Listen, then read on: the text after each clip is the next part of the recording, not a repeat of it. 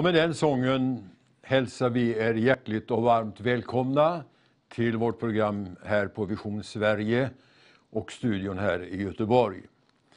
Vi kommer att få en mycket intressant eh, och givande kväll ikväll, det kan jag lova dig. Och det är det alltid när vi samlas kring Guds ord. Och vi har eh, en gäst eh, med oss här ikväll som heter Annika Hellekast Långs och som har arbetat eh, i Guds rike i många år och bland annat i Afrika och vi ska återkomma till det också. Men eh, i början så vill jag ge ett Guds ord och några tankar innan vi har mera sång och vi bjuder in vår gäst.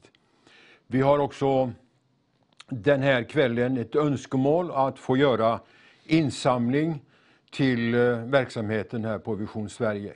Detta är näst sista programmet som går härifrån innan vi flyttar till en ny studio på tredje Långgatan 13C. Och det kommer att göras på lördag. Så efter imorgon, som också jag är med i programledningen här imorgon, så kommer vi då att eh, avsluta den här perioden här och så går vi in i nya lokaler i nästa vecka. Det blir spännande och intressant. Och därför så vill vi göra en insamling här ikväll och som bönämne och som mål så har vi bett om 43 000 kronor ikväll. 43 000 kronor ikväll. Det tar vi som ett bönämne. Amen. Och så ska vi lyssna till vad det står i Matteus evangelium, det 24 kapitlet. Där det står så här. Ty som det var i Noas dagar, så ska det vara vid Människosonens återkomst. Som människorna levde dagarna före floden, de åt och drack, gifte sig och blev bortgifta, ända till den dag då Noa gick in i arken. Och de visste ingenting förrän floden kom och ryckte bort dem alla. Så skall Människosonens ankomst vara. Då ska två män vara ute på åkern. Den ene ska tas med, den andra lämnas kvar. Två kvinnor ska mala på en handkvarn. Den ena ska tas med, den andra lämnas kvar. Var därför vaksamma, ty ni vet inte vilken dag er Herre kommer. Det var alltså Matteus 24, 37 till och med 42. Detta med att Jesus ska komma tillbaka, hans återkomst. Vi läser i Gamla testamentet hur profeterna profeterade om honom som skulle komma. Och de fick vänta, och de fick vänta, och de fick vänta. Men så står det, när tiden var inne, när Guds tid var inne, då sände han sin son. Och då kom han, som profeten hade profeterat om. Och det var ju många av de profeterna som redan då var döda, men de hade sett fram till den dagen. De visste den skulle komma. Men de fick inte uppleva den. Men han kom. När Jesus kom, växte upp här, så vet vi hela den här berättelsen om hur han gick omkring och gjorde väl och hjälpte alla som en vuxen person i 30-årsåldern. Hur han helade de sjuka och hur han eh, hjälpte människor i olika slags nöd. Han förlät synder och löste de besatta ifrån onda andar. Och det var mäktiga ting som skedde när han gick här nere. En dag så säger han till lärjungarna, jag kommer eh, att lämna er. Men jag ska sända hjälparen, den heliga Ande. Han ska komma och han ska alltid få vara hos er.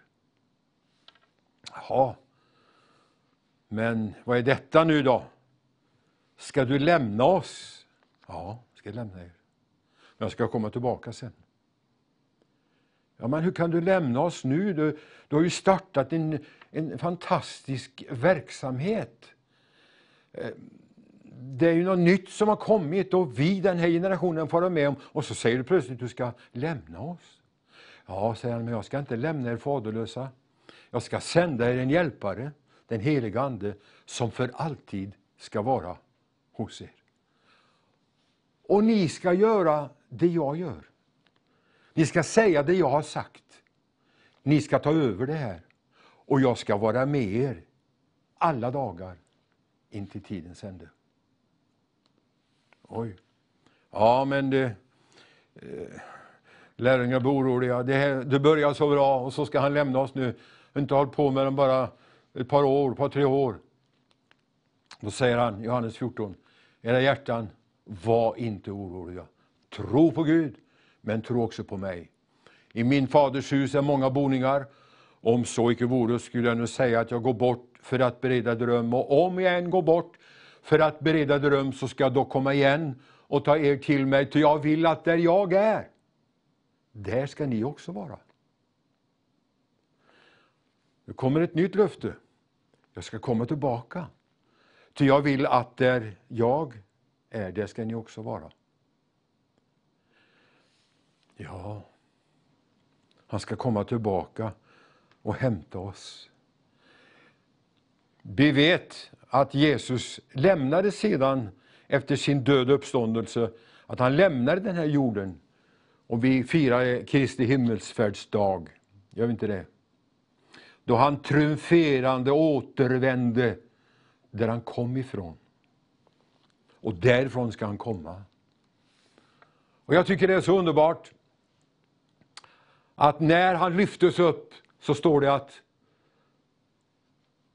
lärjungarna stod och tittade upp och skådade upp mot himlen. tänkte, vad är detta vi är med om? Plötsligt så står det två män i vita kläder, som jag tror var änglar. Då.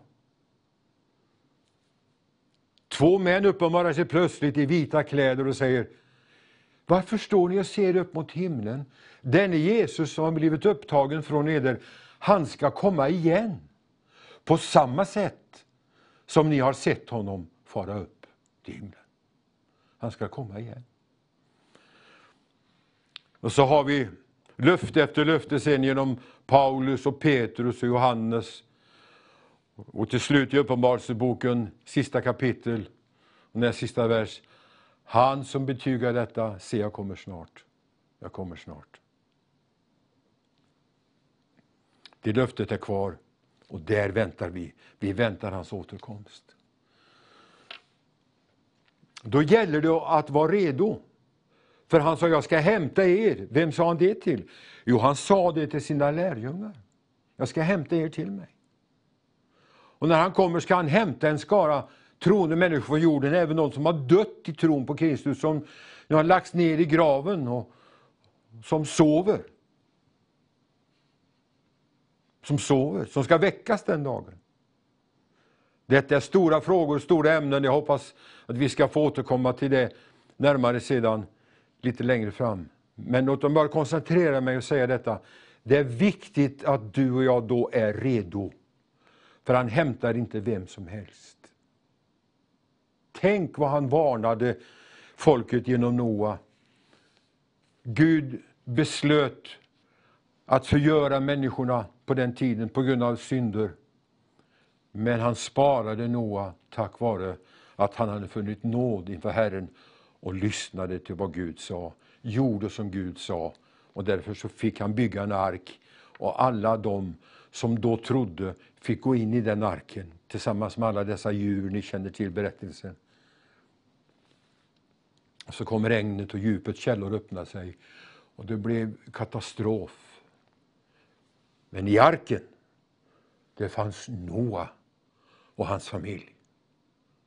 Och hör, de var bara åtta personer som ville tro det Gud hade sagt.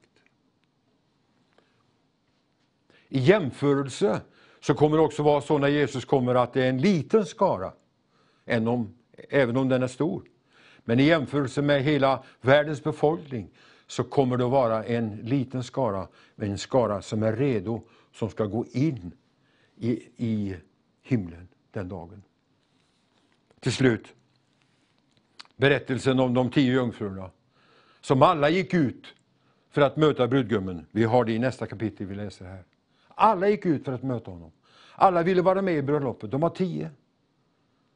När allt kom omkring, jag ska inte gå in i detaljerna här, men om allt När allt kom omkring så var det bara hälften som var redo.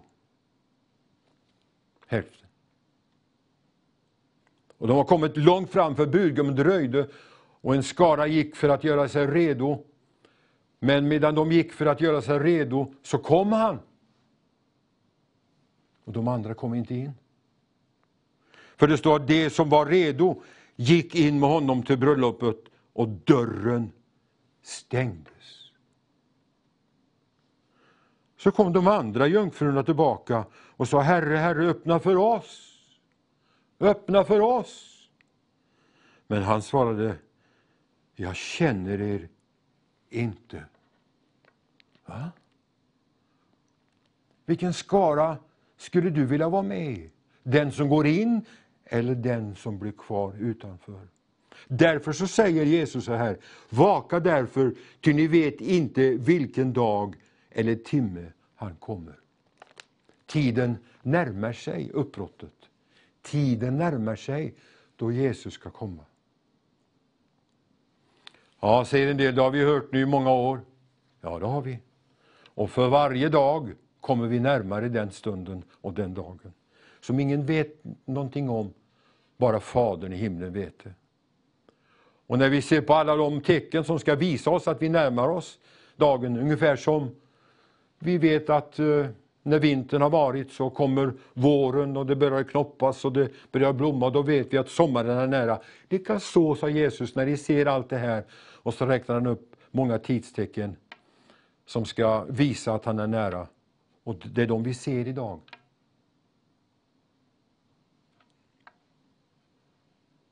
Vi vet att han är nära. Vaka för den skull. Och därför så, så står det så här. Den som vill, han kommer. Den som vill, han kommer. Måste jag inte känna någonting? Måste jag inte, måste jag inte uppleva något speciellt, någonting dramatiskt för att ta det steget? Nej. Den som vill, sa Jesus, han kommer. Precis som han sa, kom till mig nu, ni alla som arbetar och är betungade, så ska jag ge er liv.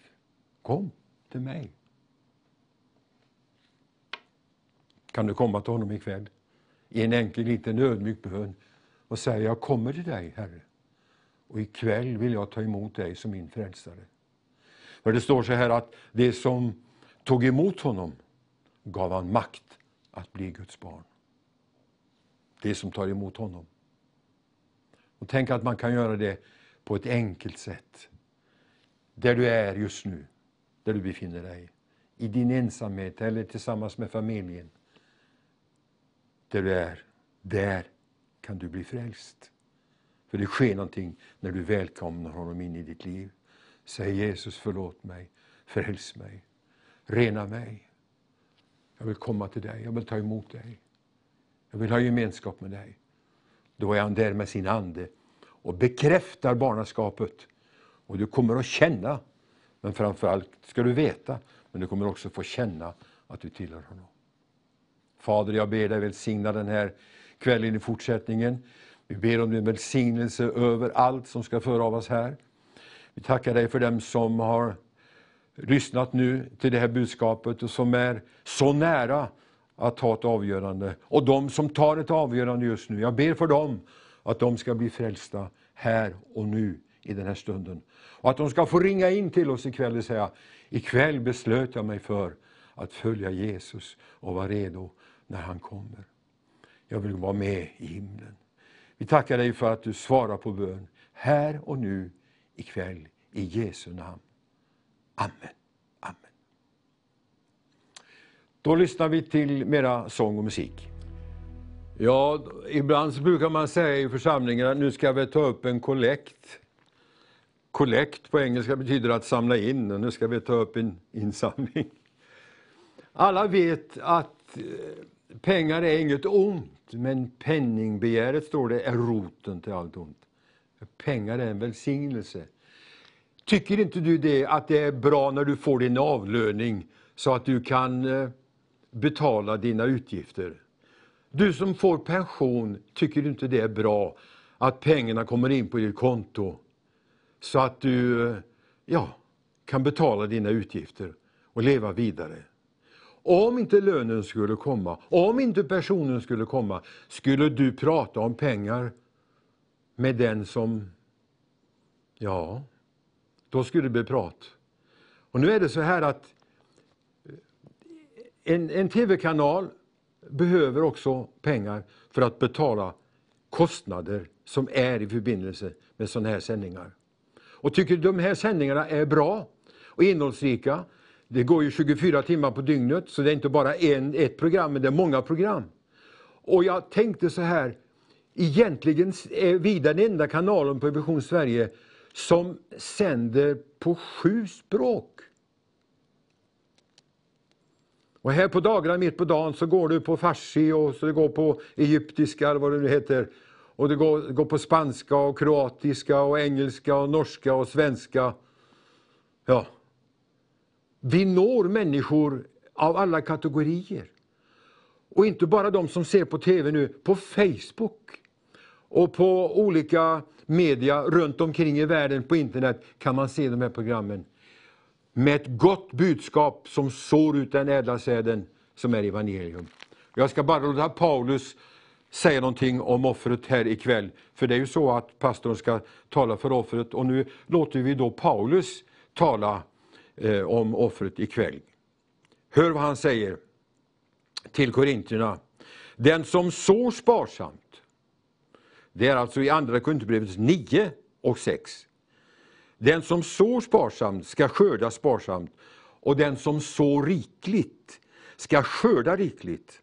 Var och en må ge vad han har beslutat sig för i sitt hjärta, inte med olust eller tvång. Ty Gud älskar en glad givare. Och Gud har makt att låta all nåd överflöda till er så att ni alltid och under alla förhållanden har nog av allting och kan ge i överflöd till varje gott verk. Amen. Och Vision Sverige är ett gott verk, det är ett Guds verk som pågår här. Det vet ni. Och som ni har sett förut så ser ni att vi använder den bilden utav byggstenar och bygger en mur kring eh, Vision Norge som ska, som ska hjälpa oss att nå ut vidare till våra medmänniskor. Och vi skulle se många som använder nu eh, Swish-numret Eh, eh, eller Vipps-numret i Norge och var med och köp en sten så att säga för 500. Ta flera. Och låt det där telefonnumret ligga ute också. Och, och, och bankgironumret och alla de här Vipps-numren och, eh, och Swish-nummer. Det är så enkelt att bara ta fram telefonen idag och swisha in pengar. Det går ju så enkelt och så bra. Och det är sådana moderna lösningar på de här problemen. Vår tv-chef sa, vi har fått inte så mycket pengar den här månaden och nu ska vi flytta studion. Så det behövs ett krafttag ikväll. Tack att du vill vara med. Och inte bara sitta och tänka, bara tigger om pengar. Vi tigger inte. Vi ger dig förmånen att vara med och stödja Guds verk. Vi bara vädjar till dig att du ska vara med och känna i ditt hjärta, inte med olust eller tvång, utan du ska känna glädje i det. Var med oss här ikväll och vipsa in. Och det är underbart att få en härlig rapport redan i slutet av programmet eller imorgon vad vi har fått in idag.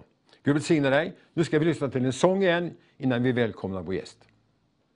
Ja, då är vi tillbaka här i våran soffa, på sagt. Det är ingen tv-soffa, det är tv-stolar här. Och vi har glädjen att välkomna Anette Hellekant Långs till eh, studion här för ett samtal.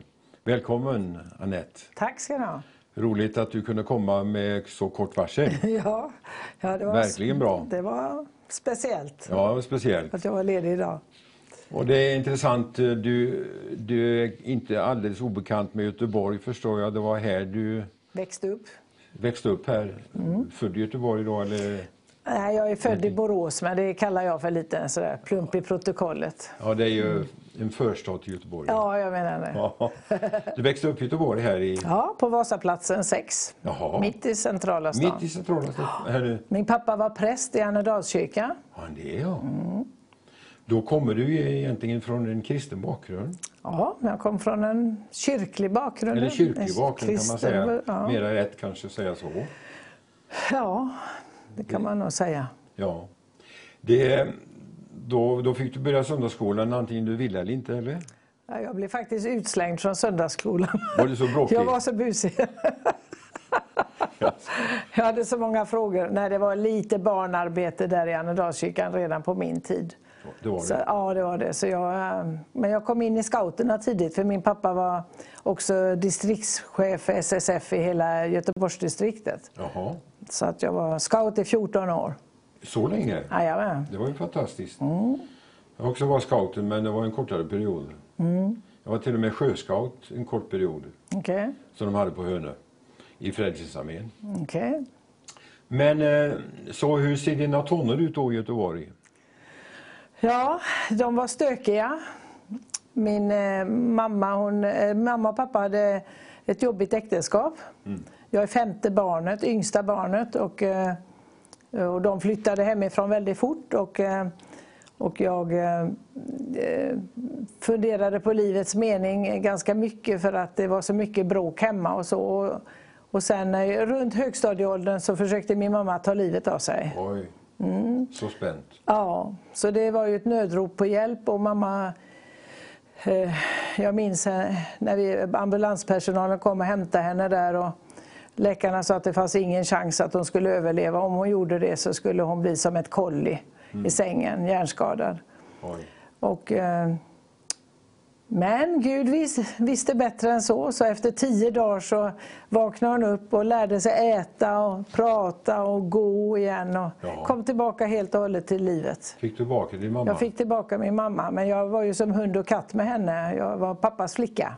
Oj. Ja, så att eh, det, var, det, det var väldigt ovist så här Hur efteråt. kommer det sig, när du tänker tillbaka, att du blev så? Nej, det var ju mamma, pappa som smörade för mig och, och så. Sen, senare så förstod jag ju det. Så Ja. att, eh, mamma och jag kom varandra väldigt nära senare, i livet. ja. Men eh, då, då var det svårt. Då Tänk var vad det. det kan bli när det är oenighet Ja. i familjen, när inte föräldrarna drar samman. Ja. Då tar barnen skada. Ja, så mina syskon har tagit också mycket skada av det. Men då var Herren så nådig så att när jag strulade, du frågar hur jag var i uppväxten där, så strulade jag på ganska ordentligt. Och jag var väl den första tjejen i Göteborg som snu, började snusa. Oj.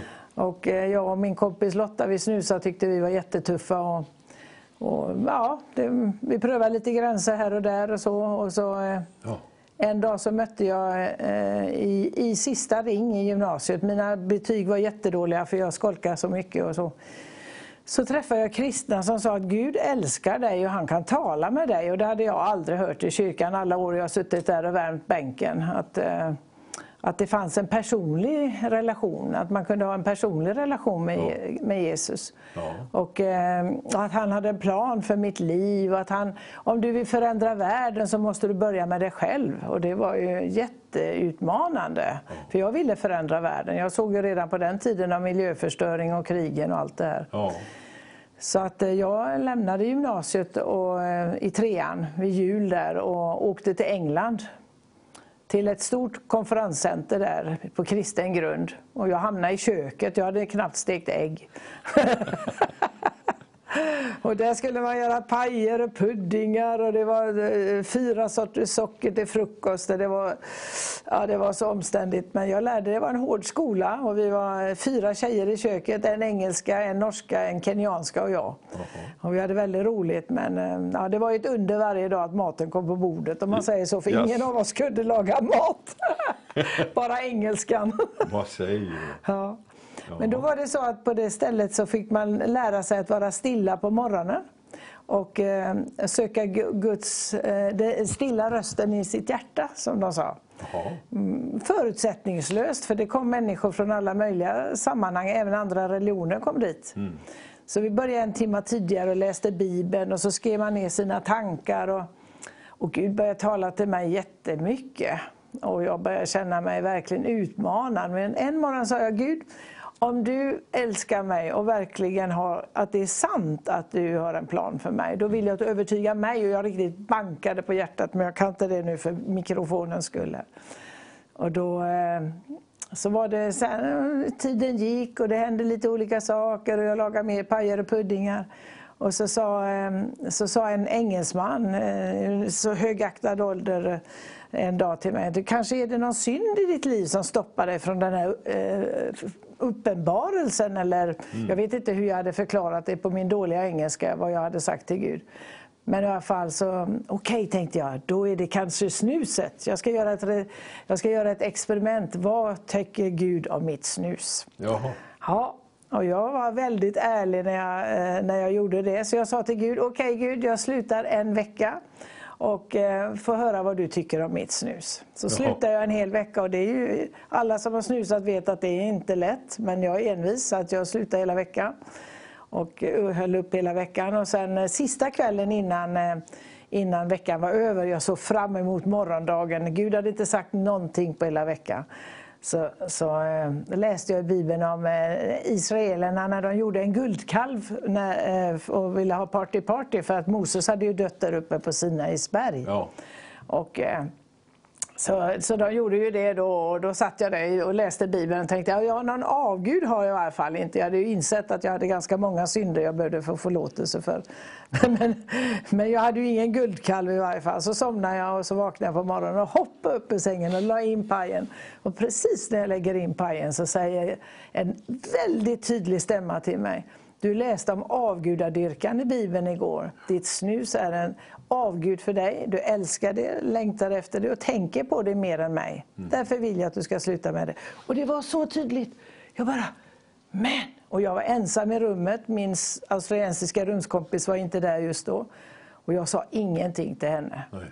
Och så samma morgon så gick, eh, hade vi frivilligt bibelstudium en gång i veckan. Och just den morgonen handlade det om Gideon som eh, var yngst i sin familj som jag. Mm. Han var rädd. Han gömde sig och höll på att försöka få ut lite ax, eh, vetekorn ur i vinpressen satt han och gömde sig och så kommer en ängel och säger Var hälsar du tappre stridsman? Och då säger han Nej, det har kommit fel. Jag är yngst i min stam och jag är rädd och jag har aldrig stridit och det, det har kommit fel. Och, så, så, och då gör han ju precis som jag gjorde. Mm. Han la ut ett fårskinn mm. utanför tältet och sa Gud om det, om det här är från dig att jag ska slå, slåss med midjaniterna då får det vara vått fårskinn och så ska det vara alldeles torrt runt om. Och nästa morgon när han kom ut ur tältet var det ju det. Det var två skålar fulla med vatten. Och sen sa han, ah, det kan ju vara bara slumpen, det säger vi ju ofta mm. vi människor. Jo, jo. Så då sa Gud, Gud en gång till, fast nu tar vi tvärtom. Vi tar torrt fårskinn och vått runt. Mm. Och så var det ju det. Och så gick han ju ut och lydde Gud precis. Det kan ni läsa med Domareboken 6 resten. Och jag satt där riktigt huka mig i min stol och så när vi går ut därifrån så säger min rumskompis, det där var till dig Anette. Ja, det var det, sa jag. Jaha. Hon visste ju ingenting om det men jag hade ju fått den uppenbarelsen den morgonen. Så jag gick iväg till mitt rum och grät och grät och grät och grät och så hade sagt till mina kökskompisar att idag har jag inte tid att laga några puddingar just nu. Och så eh, verkligen skrev ner faktiskt, hade jag fått lära mig, mina synder så jag skulle riktigt börja på ny kula. Jaha. Och sen eh, när jag var färdig och hade riktigt upplevt Guds nåd och förlåtelse som ett bastubad, ett inre bastubad, mm. så gick jag ut i det engelska. Vi bodde ute på landet, det är en stor, stor herrgård med många små hus runt. Mm. Och så gick jag ut där och så la jag, ut, eh, la jag in min paj och så gick jag eh, länge. Och sen när den började rinna så hoppade jag upp på en gärdsgård och så slängde ut den och så tänkte jag aldrig mer. Ja. Och det var 1974 i 30 januari, så det är länge sedan nu. Ja. Och sen då så, så, var det ju någon som sa Åh Anette, du har förvandlats och förändrat dig så mycket. Kan du inte berätta på något möte om, det, om vad du, du upplevde gjort? frälsning kan man säga? Du, absolut var det frälsning. Jag ja. var mycket, mycket kär i Gud efter det. Ja. Och då så, ehm, och då så sa, så hade jag, så, jag pratade så dålig engelska för jag hade, så, jag hade aldrig pluggat i skolan ju. Jag hade bara strulat ju. Så att, ja, men till slut då så ställde jag mig där på ett möte och skulle berätta hela den här historien. på engelska. Och, och, jag, och vi var tvungna att ha kjol på oss och jag minns hur vi skakade knäna under kjolen. Ja. Men, och så var det en tant där mitt i, mitt i mitt tal där som började vinka längst bak och tyckte att jag skulle sluta. Och jag tänkte, jag slutar inte nu, jag måste berätta färdigt alltihopa. Så Ja. gjorde jag det då. Och så satte jag mig ner och tänkte, jag ska aldrig mer säga någonting till någon. Och då kommer det fram en stor egyptisk doktor. Han var jättetjock och han var den enda rökaren på hela stället. Han rökte, kedjerökte i i den här eldstaden som vi hade i vardagsrummet där, så vi alla visste att han rökte. Så sa han thank you, thank you, thank you. Och så sa han på eng- svenska då, översatt, eh, idag har jag förstått varför jag ska sluta röka. Och då säger den helige Ande till mig, du ska från och med nu alltid berätta vad, Gud kommer göra i, vad jag kommer göra i ditt liv. Så det var starten för mig. Det var en mycket originell start får man säga. Eller hur? Absolut. Det var inget väckelsemöte någonstans med musik och Inget, atmosfär? jag visste och... inte ens vad väckelsemöte var. Jag var uppvuxen i Svenska kyrkan med psalmerna. Ja, ja. Ja. Men ändå så hade Gud påverkat dig genom både psalmerna och gudsorden. Det- Absolut. Det låg ju i det undermedvetna. Ja, det är ju så. gjorde det. Det Absolut. glömmer man ju aldrig. Nej. Nej. Som jag brukar säga ibland, vi fick ju ha det i läxa i skolan. Psalmversar. Ja. Vi lärde oss ingen hinner fram till den Antingen eviga blir det positivt eller så kan det bli negativt. Ja. Och det är ju det jag har sett många som, jag ska inte nämna några, men Det beror på hur man tar, ja. tar ju- sitt avgörande. Men jag sökte verkligen meningen med livet och, och Gud svarar verkligen på ett väldigt personligt sätt. Väldigt klokt gjort. Så, så mitt liv Det kunde man in, totalt du inte tro själv nästan att du skulle komma dit än eftersom du hade ett så brokigt Ja, bakåt. ja, ja, ja visst. Och, vill du höra fortsättningen på Ja, den historien? Absolut, det är, Ja. det är därför vi är här nu. Jaha, okej. Ja. För då var det ju så att jag fortsatte vara där i England och, och, och jag var så lycklig, jag var så fri, jag var så, åh, jag var så förälskad i Gud. Mm. Och, och, eh, och sen då var jag ju tvungen att, att börja tänka på om jag skulle åka hem. Och det, för att göra en lång historia kort så kom mina föräldrar faktiskt dit. Och det var väldigt bra att de gjorde det för de hade fått en helt ny dotter. Ja. Det var, jag var otroligt annorlunda förutom att jag var engelsk då, med min kjol och mina kläder och alla möjliga sådana där eh, grejer som sen försvann så småningom. Men det som var hjärtat, det var kvar då. Och då eh, och då så eh, kom mamma och pappa för att Gud hade sagt till mig att jag skulle, de skulle komma för att han skulle tala om för mig vad jag skulle göra härnäst. Och då, eh, och då så, så visade han mig att jag skulle åka tillbaka till gymnasiet och göra om sista året. Och det ville jag inte alls. Jag ville mycket hellre eh, åka ut i världen. För jag var ju, det var ju här, det var internationellt arbete där så det var ju på massa ställen man kunde åka. Då. Ja, och så åkte jag tillbaka till Göteborg och så säger Herren till mig att jag ska gå till min arga rektor och be om förlåtelse för jag hade fuskat på tentorna. Och det hjälpte inte, jag hade så dåliga betyg ändå. Hjälpte inte att fuska. Men jag skulle erkänna det för honom. Vet, och han gick i min pappas kyrka. Vet, det var ingen höjdare. Nej. Så jag läste Hebreerbrevet eh, jättemycket den morgonen. Så tog jag mod till mig och gick till hans, till hans eh, expedition och berättade. Gick in där. Och jag var så nervös, jag var så nervös. Jag minns det som en... Och så sa han, vad är det? Vrålade han alltid. Han kunde aldrig prata som en vanlig människa. Ja, jag ska tenta av engelskan. Var det något mer? sa han. Ja, jag ska be om förlåtelse. Och jag tänkte, nu reglerar han. Men han säger att jag får inte gå vidare i skolan. Och så blev det helt tyst. Så sprang han ett varv runt sitt skrivbord och sa så här, Var det något mer? Och så sa jag nej. Och så gick jag ut. och jag var fri. Vet du. Så jag fick, mina betyg gick upp så sista året. Då fick du också intresse att, läsa Ja, riktigt. jag pluggade jättemycket sen. Det gjorde du? Jajamän, då var det andra bullar. Så det blev någonting av dig till slut. ja, det vet ju fåglarna. Ja, men jag har det, gjort ett väldigt brokigt, ja, brokigt liv, kära nån. ja. Men Massa, ändå har Gud massa. haft sin hand med hela tiden. Ja, absolut. Jag har försökt följa honom hela den här brokiga vägen. Din eh, vistelse i Göteborg den eh, blev Sl- kort sen och du Ja, efter uppåt. studenten så åkte, började jag resa. Så jag åkte, först var jag i Stockholm ett år och sen åkte jag till Australien i två år. Jaha. Och sen, eh, Och och I Australien sa Herren att jag skulle bli storkökschef och läsa i Umeå. Jaha. Så då gjorde jag det. Så du åkte upp till Umeå. ja. och läste på... Universitetet där. Ja. Och därför du hamnade i Norrland. Precis, ja. För i Australien så när, de, när vi skulle uppträda och sjunga och vittna och sånt där så sa de åh det här är eh, Annette från midnattssolens land och så hade jag aldrig sett en midnattssol. Det det var ju så löjligt. Ja, men det var landet var ju rätt. Ja, ja, landet var rätt. Ja. Men det fick du se när du kom dit. Upp. Ja, jag fick det så småningom. Fick jag det. Fick du kontakt med någon kristen verksamhet uppe där i eh, Umeå? Inte så mycket. Lite, jag var lite konfirmandledare och lite, lite så. Ja. Okej. Mm. Ja. Men sen ska vi orka med höra en historia till Ja, som vi- är jätteviktig för mig. ja, vi tar den nu också. Ja, okej. Och så ska vi ta en sång och så fortsätter vi. För jag, var ju upp, jag hängde ju fortfarande med i Svenska kyrkan. Och, eh, och eh, i Australien så hade jag jobbat jättemycket med japaner. Och de är otroligt annorlunda oss. Och eh, jag hade fått några vänner också bland dem, men de var jätteannorlunda oss. Och jag kände mig alltid som en elefant bredvid dem. Och, så och sen i Umeå så stod det en stor affisch en dag att det kommer en missionär som jobbat i Japan i si och så många år. Eh, Men han är en frikyrka. Och jag hade så mycket fördomar mot frikyrkor. Det hade jag lärt mig vet ni, från Ja, ja. barnsben. Så jag tänkte, ska jag gå på det där? Ja, men jag går. Jag sätter mig på läktaren om det är lite spooky, tänkte jag. Vet du. Tänk hur, vilka fördomar vi Jo, kan ha. så. Ja. Så dumt alltså. Men i alla fall, jag satte mig där på läktaren och hörde vad den här mannen berättade. kommer inte jag ihåg. Det var ju början av 80-talet. Mm. Men det jag kommer ihåg det var att när han slutade så skulle man ju ta upp psalmböckerna som man gjorde på den tiden. Ja. Och då ställer sig en tjej upp, eh, lika blond som jag i ja, ton, tonår, högre, övre tonåren och börjar sjunga.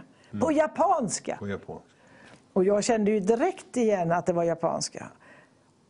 Och så började hon sjunga på svenska. Prisa Gud på svenska. Och så satte hon sig ner. Så säger missionären, kan du japanska? Inte ett ord, sa.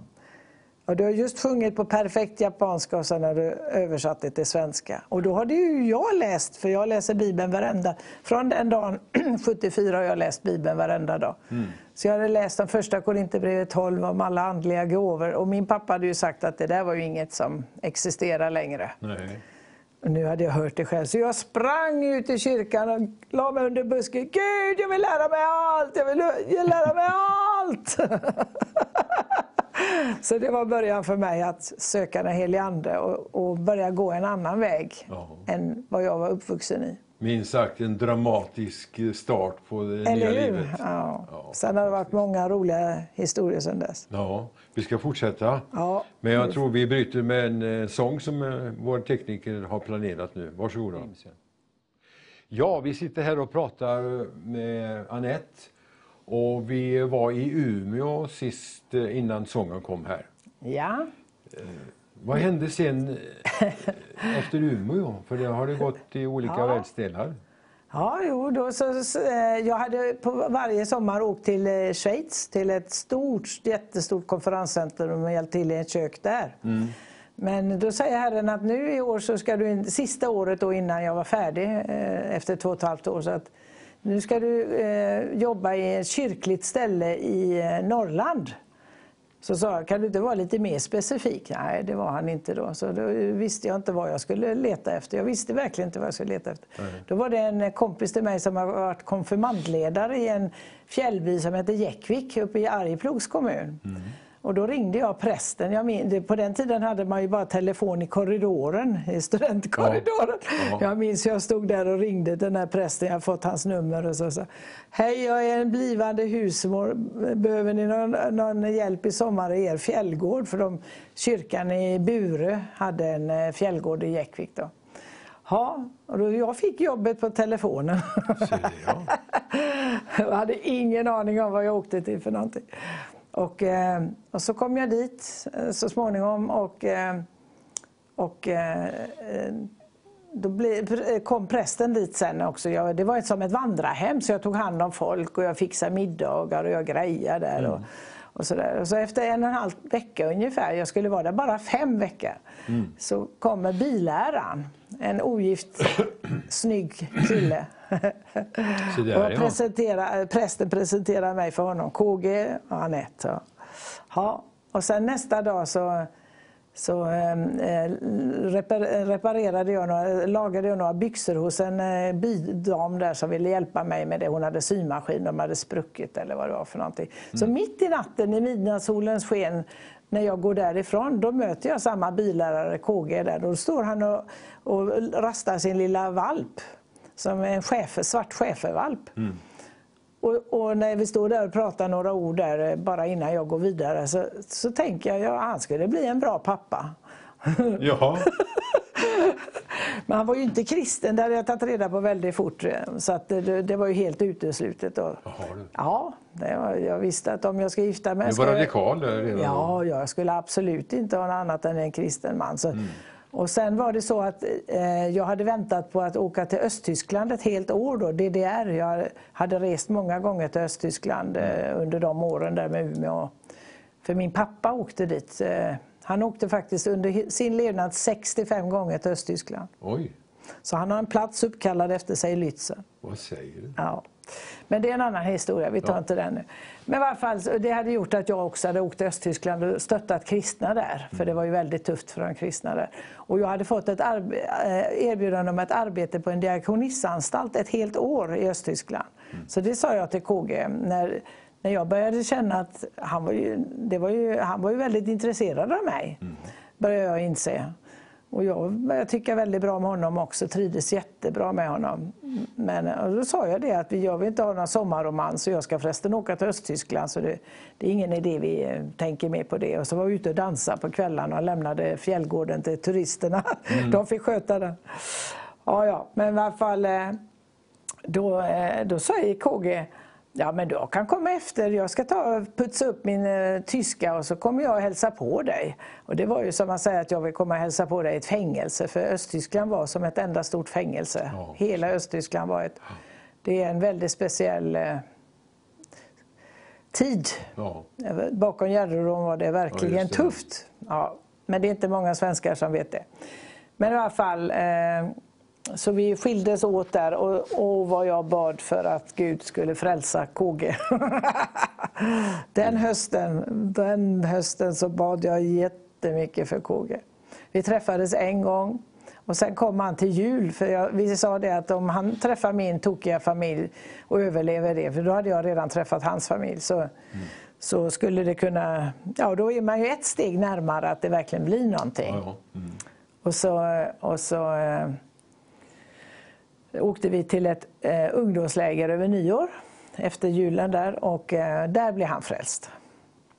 Ja, så friade han tre dagar senare och sen åkte jag till Tyskland och han till Jäckvik. Ja. och sen var jag i Västtyskland och, och i ett kollektiv där ja, några månader och, och, och, då sa Herren till mig att du kommer inte komma in i Östtyskland så det är lika bra att åker hem och lär känna din fästman. Mm. För då hade vi förlovat oss. Ja. Och sen gifte vi oss några månader senare. Ja. På sommaren efter vi hade skakat hand, ett år senare. Jaha, fort. och sen började jag mitt gifta liv i den här lilla fjällbyn på 50 invånare. Och sen blev det att jag var kvar i Arjeplogs kommun i 25 år. Oj! Mm. Och du blir nästan norrlänning då? Jajamän, åtta år av dem var vi i Tanzania och Kenya. Av de 25 åren. Jaha, så därifrån då? Vi bytte polcirkeln mot ekvatorn några Aha. gånger. Ja, just det. ja, så det, hur kom det sig att tanken väcktes på just Kenya och Tanzania? Var det Tanzania först? Eller? Ja, Tanzania och då var det med Svenska kyrkans mission. Jaha. Vi startade en skola för svenska barn. Jag var husmor och KG var läraren. Jaha. Mm. Och det var jättetufft, allt skulle vara på swahili och det var jättefattigt på 80-talet i Tanzania. Ja. I början åt vi bara vitt bröd och bananer Jaha. innan vi hittade. Man behövde hitta alla affärer, man visste inte eh, om man inte hade någon som sa till, dem, eh, sa till en att där finns det någonting att köpa så hittar man inte det. Nej, det, Nej, det var jätte, jättetufft men det var jätteroliga år. Ja. Jättemycket hände. Och vi, hade, jo, vi, hade, vi fick ju barn. Vi fick Miriam innan vi åkte. Vi, vi var i Arjeplog och fick eh, tacka ja till att åka ut fyra år med Svenska kyrkans mission. Mm. Och sen så blev jag plötsligt med barn igen. Ja. Så jag minns hur jag ringde till Uppsala och sa att kan man få åka med två barn? Jaha, Så födde jag. Johannes innan vi åkte, under det året. Det är också en sån där sak som Gud gjorde. För att när jag hade insett att jag var med barn så tänkte jag, men hur ska jag orka detta? För då skulle vi flytta, vi skulle på missionärskurs och vi skulle swahilikurs och vi skulle på bibelskola.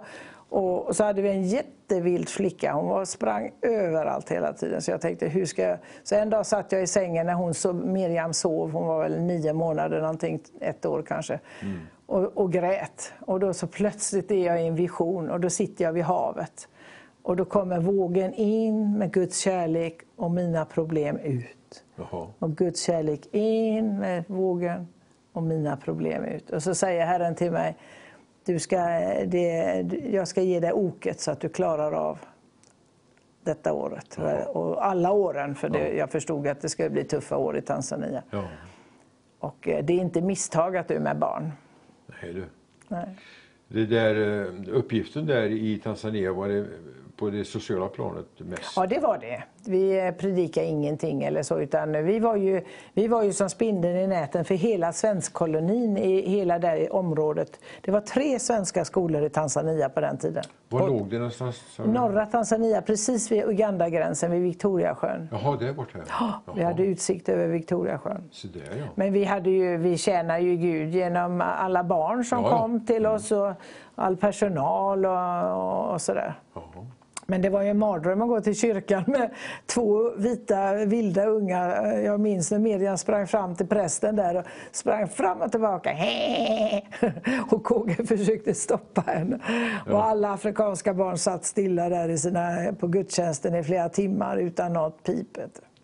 Det var långa möten. Oj, så långa Långa möten. möten. Och så bara på swahili så man fattar ingenting. Men ni lärde er ganska fort antar jag? Ja, men jag tyckte det. Det är ju, det är ju olika grad hur mycket man förstår. Eh, Kyrkspråket är ju ett sätt. Då. Eh, Jag kunde ju det här, jag arbetade med kvinnorna i att starta upp skolan och kokerskor och städerskor och alla, alla de bitarna. Vi fick ju renovera hela skolan. ja. Den var jättenerkörd. Var den. Säger du? Ja, ja, den var från 50-talet så den var jätteförstörd. Så ni fick verkligen göra en, en insats i alla fall? Ni kände Ja. att ni var... Oj vad vi jobbade. Vi jobbade så jag grät. På, jag visste inte vilket ända jag skulle börja ibland och då tröstade mitt he- hembiträde mig och hjälpte mig. Ja, fantastiskt. Ja.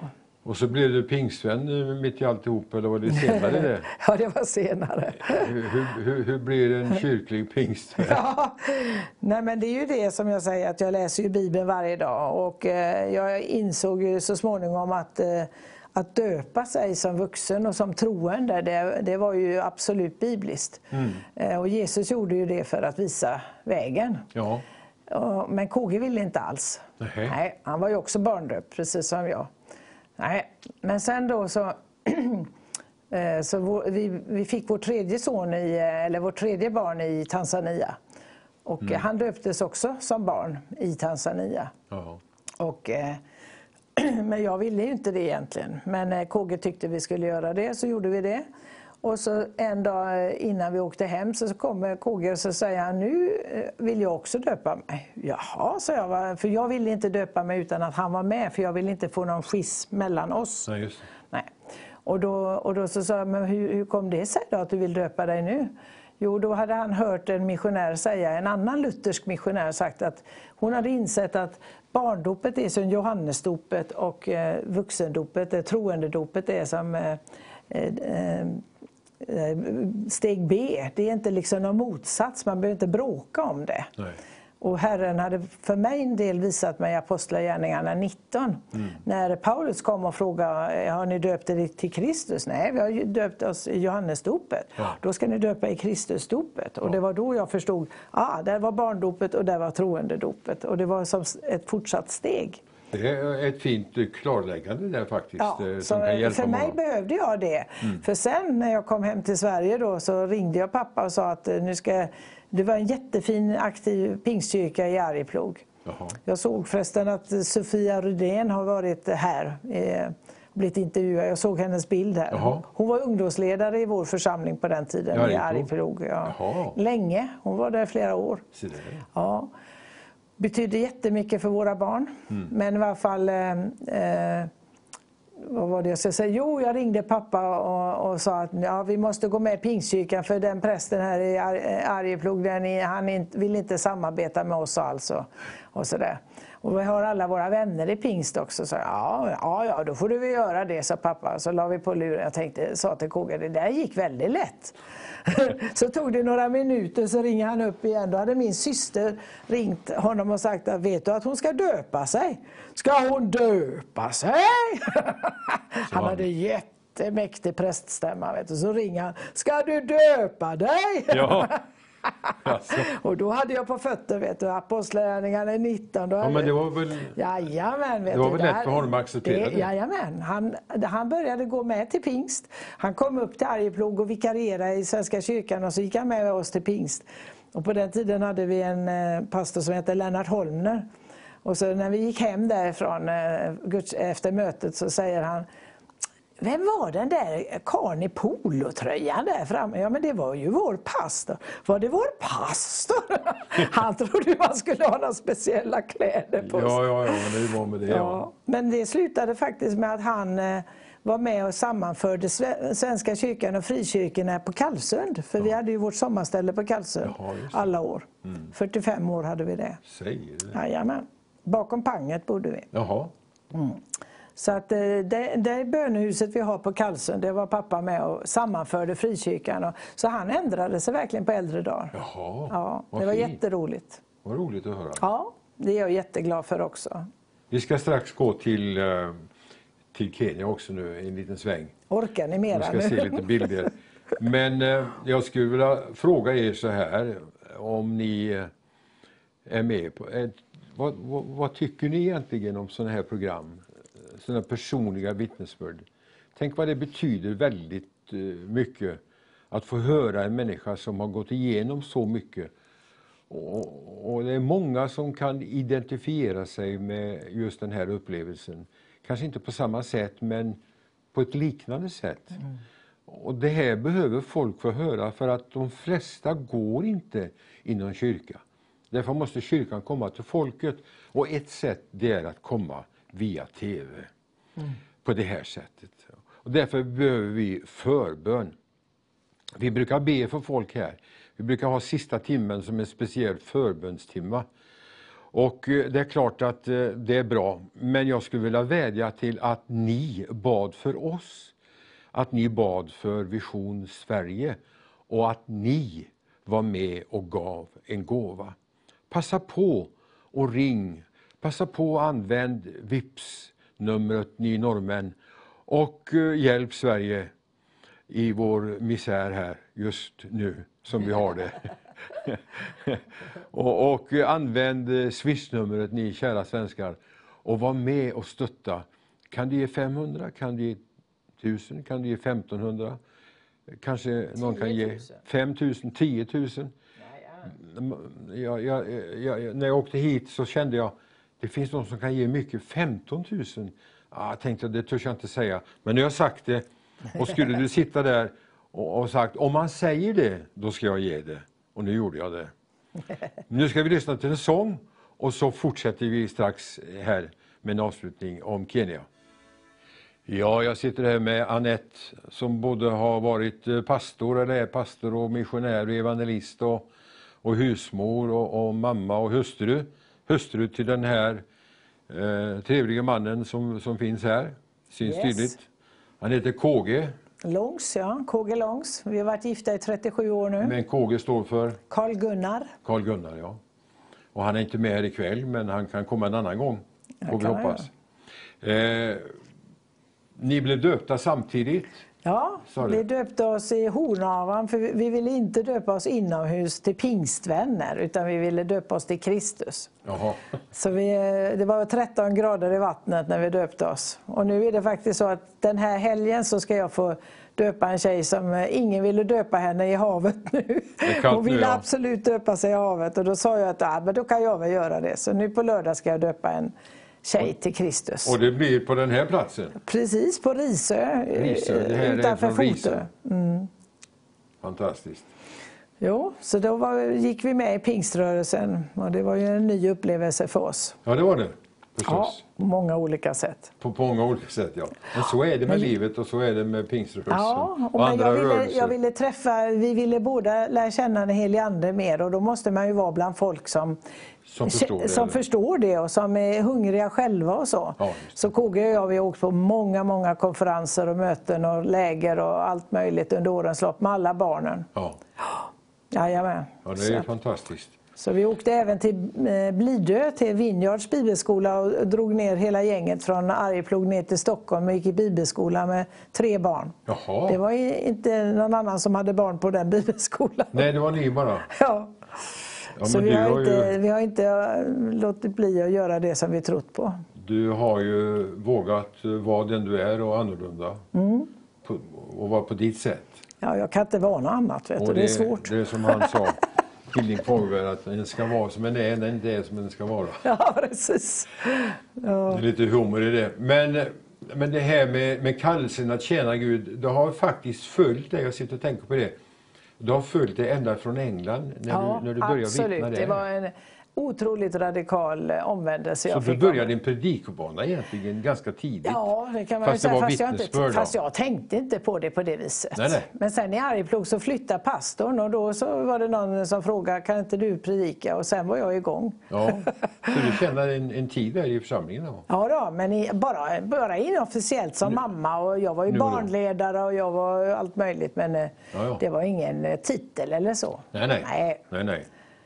Och sen då en dag så satt jag, jag var telefon, jag jobbade med allt möjligt i Arjeplog. Jag var taxichaufför och jag var vikarie och hemsamarit och jag var telefonsäljare och då var jag telefonsäljare och, och, sitt, och både KG, jag och barnen ville alla längtade ut i Afrika igen. Ja. Och så sitter jag där med Trosgnistans eh, tidning för vi hade fadderbarn via Trosgnistan. Ja. Och sitter där och eh, jag ringer och försöker hitta helnykterister och säljer IOGT-lotter gjorde jag i tre år. Lyckades jag med det. Tre år, tänker jag det. Det är ett under i sig bara.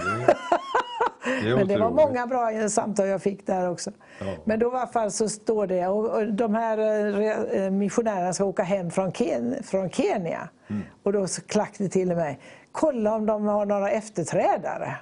Så tänkte jag, äh, det är bara jag som alltid längtar efter Afrika, tänkte jag. Men till slut kunde jag inte låta bli så jag slog numret på, em, till Troskristans kontor. Ja. Och då svarade David Duveskog, och jag vet inte riktigt hur jag sa det. Hej, vill ni ha några missionärer? Rakt på sak. och då hade vi gjort alla kurser och vi hade ju swahili och hela köret så det tog väl ett år så var vi på väg ut. Jaha. Det var ju lämpligt. Då hade ni Mm. Ja, erfarenhet och ja, upplevelser precis. i Afrika och språket. Och så åkte vi till andra sidan Victoriasjön. Nu, först var vi på västra sidan av Victoriasjön, sen Migori ligger på östra sidan av Mm. sex mil inåt. Man såg ju inte sjön från där vi bodde. I Bukoba Nej. bodde vi ju vid sjön så man hade utsikt över sjön. Okej. Ja. Men det hade vi inte i Migori. Jag har varit i Migori några gånger också så jag vet vad du pratar om ungefär. Mm. Ja, Fast det är precis. säkert annorlunda nu. Mycket större.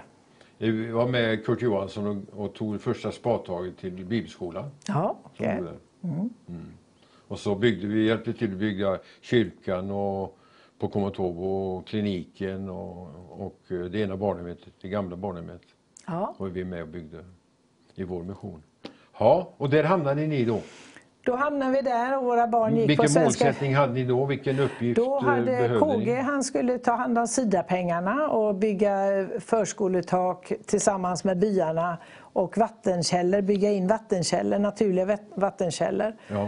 Och, eh, och jag eh, var med i kvinnoarbetet och var ute och undervisade i byarna regelbundet, minst en gång i veckan och så allt arbete på missionsstationen då. Ja. Så, så. Och så våra barn gick alla i skola på, i Ta- Tasengwa i Nsega i Tanzania, på pingstskolan där. Jaha, Mm. Så att, eh, det var många resor mellan Kenya och Tanzania de fyra åren vi var där. Kunde ni köra bil emellan? Ja, ja, vi körde bil och vi, de flög. Första året var det lyxigt. Då flög de från andra sidan gränsen till eh, Tasengwa då, eller Nsega. Men sen Lig- så Ligger det på bil. södra sidan eller? Eh, Det ligger precis mitt i kan man säga, mitt i Tanzania. Tanzania är ju två och en halv gånger större än Sverige Ja. i yta. Ja. Och Kenya är två gånger större än Sverige i ytan. Ja, okej. Så att det är ju enorma länder. Man tror att de är pyttesmå när man ser på kartan, men det är de inte. Nej, stora. Ja, det är stora länder. Men eh, våra barn älskade att gå på skolan där. De, ja, det var sån här eh, internatskola. Jajamän, åtta veckor på skolan och fyra veckor hemma. Åtta veckor på skolan och fyra veckor hemma. Ja, Hela... det var väl lämpligt. Jättebra. Jätte, jättebra var det. Så Och det var då ni startade samtidigt barnhem? Eller? Nej, nej. Var inte då? Nej. Eh, Sista året hände det mesta, om man säger om man nu ska göra en lite kortare variant här. Okej. Tycker jag. Eh, för sista året så sa Herren till mig en natt, ofta talar han på nätterna till mig, att, eh, att vi, vi håller oss till Maranata Mission hette vår eh, kyrka Ja. som vi jobbade för Ja, då, med Trosgnistan. Vi jobbar för Trosgnistan. Och, eh, utan, jag vill att du ska och gå till sjukhuset och be för sjuka varje vecka tillsammans med ett team. Då. Ja. För där når man alla sorters människor. Man har ju så lätt att segregera sig annars i olika grupper och kyrkor och samfund och hit och dit. Men på sjukhuset där ligger alla. Ja. Så vi började famla oss fram på det och Peter, vår trädgårdsmästare, han var jätteduktig. Han var en enkel pastor och hade väl en kyrka på den tiden. Och han ledde oss in i, och han predikade en liten minipredikan för varje herr, herravdelningen och damavdelningen och sen på barnavdelningen var vi. Och så gick vi runt, alla som ville ha förbön så gick vi från säng till säng till säng. Ja. Det var en väldigt speciell upplevelse. Ja, oj, oj, oj vad mycket under vi fick se och mycket Vad tacksamma de måste ha varit. vad tacksamma de var. Och så kände man sig så liten, man kände sig som en flugskit. Alltså. Mm. Verkligen, ingenting. Men vi, vi kom med Jesu kärlek, vi kunde hålla dem i handen. Och Ja. Bara det att de blev sedda. Och i Afrika så var det, vet människor att vi behöver Gud. Det är Mm. inte som i Sverige, man sitter och nej, vi behöver ingen Gud. Utan nästan alltid räckte alla upp handen Ja. och ville ha förbön. Ja, väldigt öppet. Ja, väldigt öppet var det. Muslimerna bad vi för, vi bad för alla. Och så höll vi på så varje vecka. Och sen, eh, och sen eh, för att göra en eh, lång historia kort, så eh, var jag var ju mycket ute i byarna och träffade jättemycket kvinnor och de hade ju det jättetufft. De ska ju göra allting. De ska ju laga mat och de ska hämta ved och de ska äta vatten och de ska eh, älska med sin man och de ska föda barnen och de ska så och skörda och hela köret. Och mannen sitter där och funderar på hur han ska, eh, vad han ska göra härnäst Ja. och vila sig för det mesta. En del män gör... Ja, det är tråkigt och det haltar ju så väldigt i samhället på det viset. Så att eh, det började komma en bön i mitt hjärta att Gud om du vill ge oss en flicka så ska vi eh, adoptera henne. För eh, vi såg att flickorna for väldigt illa. Av våra fyra stammar vi jobbar i så omskar de fortfarande flickorna i tre på den tiden.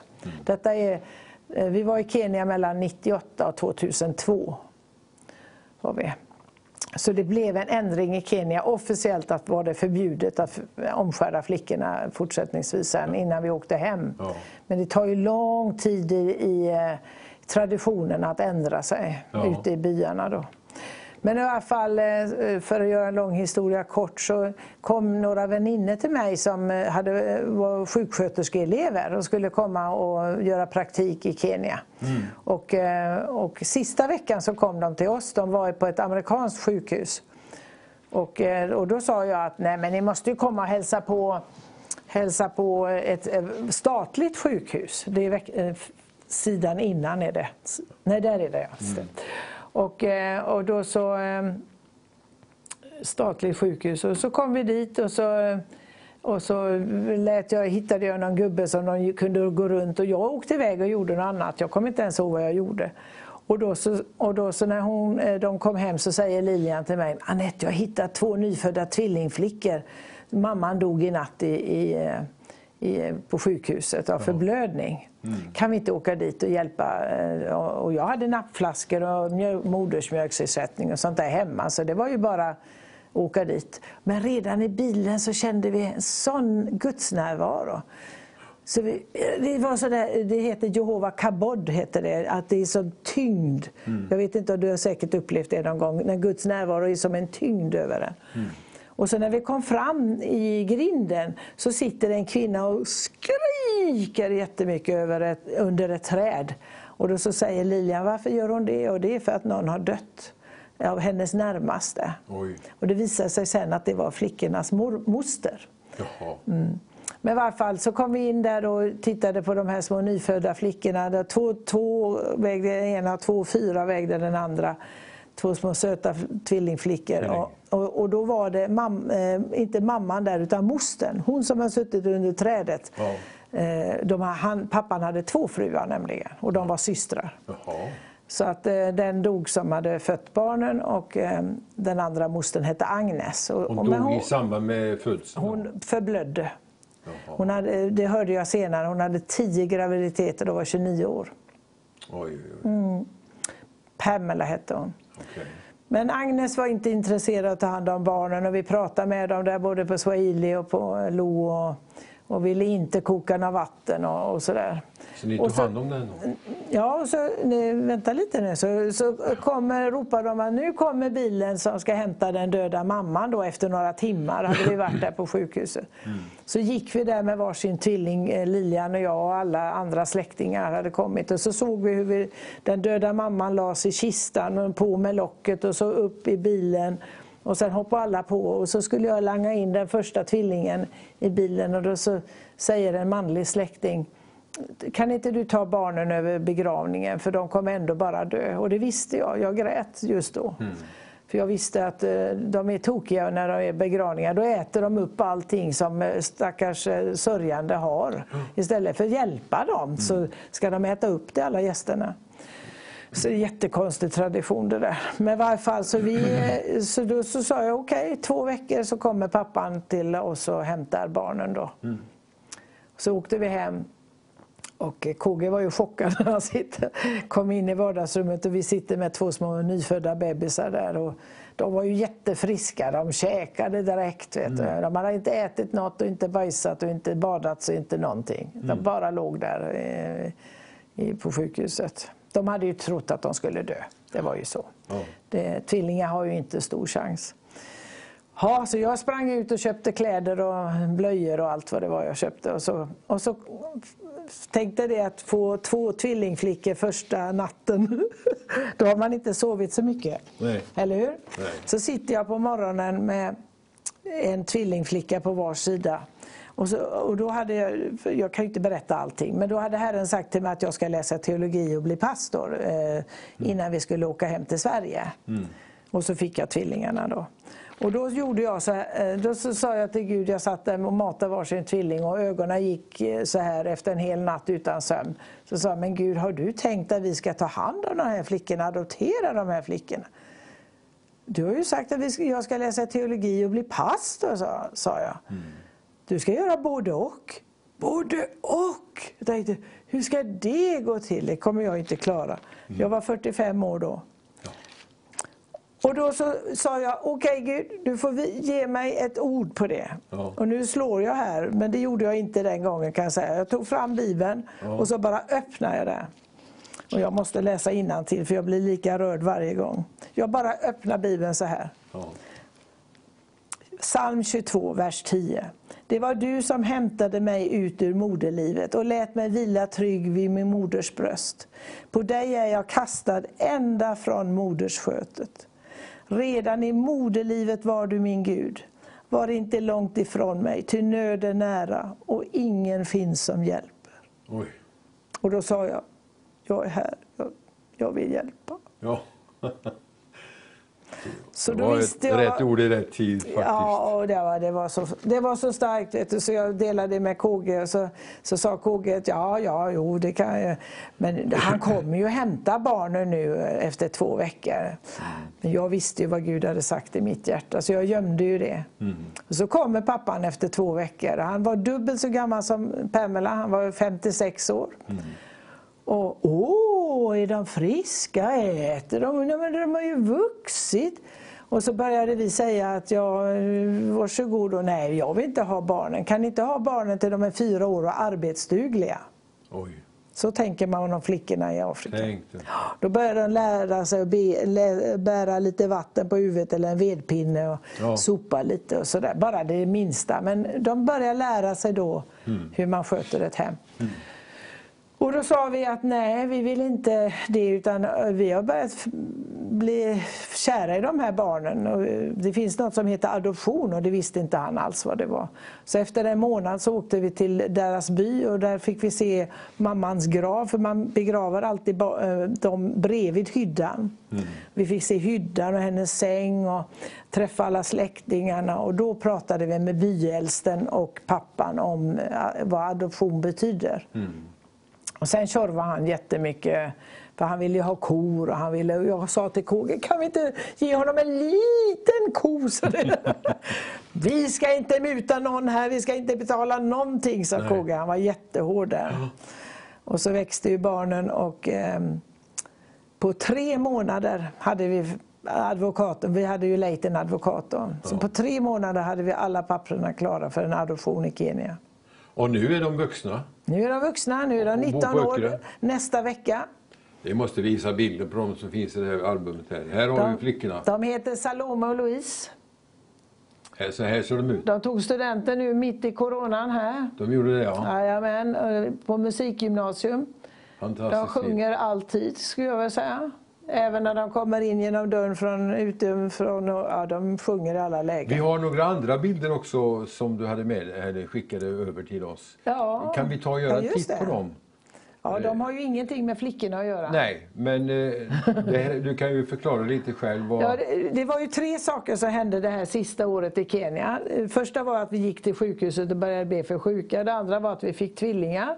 Och det tredje det var att en, en, ännu en natt när jag höll på med tvillingarna där så säger Herren till mig att jag ska jag ska fortsätta hjälpa barn i Kenya fast jag åker till Sverige. Mm. Men hur ska det gå till, sa jag. Jo, det ska heta Den barmhärtige samariten och Peter som var vår trädgårdsmästare, mm. Pamela som hjälpte oss med tvillingarna ja. och en annan kvinna eh, skulle jobba med det här.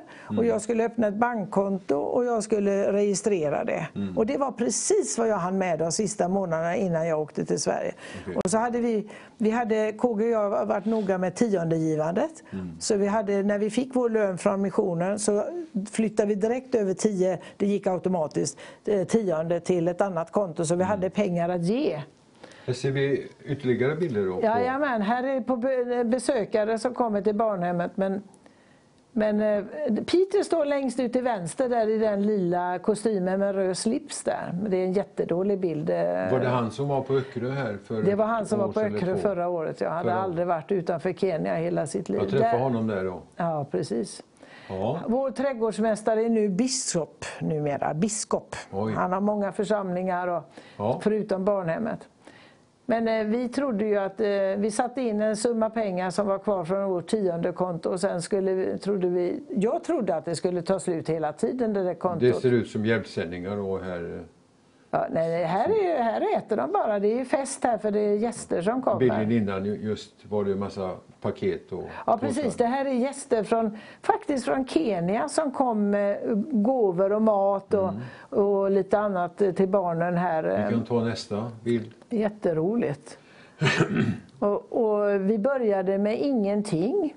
Fyra, Peter och jag vi satte oss på altanen jag berättade för honom vad Gud hade sagt till mig på natten. Mm. Så höll vi varandras händer och så bad vi och sa Här är vi Herre. Mm. Och sen har Peter visat sig vara den trognaste och trofastaste människan. Han, är, han har många visioner här har kvinnorna fått nu äntligen tak så de kan tvätta utan att ha solen i skallen hela tiden. Mm. Det har jag velat att de skulle göra i många år.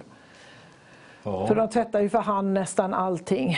Idag har vi 77 barn inskrivna, 500 barn har passerat. Och Det är alltså barn som inte har någon vuxen i livet. Här har de nu undervisning på barnhemmet med lärare för då skolorna har varit stängda åtta månader i Kenya. Mm. Och, och Herren har bara sänt nya människor till oss som vill ge oss eh, eh, olika saker. och, och det är, det är underbart att se Guds ledning. Ja. Också bygga en hel del byggnader. Och... Ja, ja, vi har köpt land och vi har byggt och vi har grejat. Mm.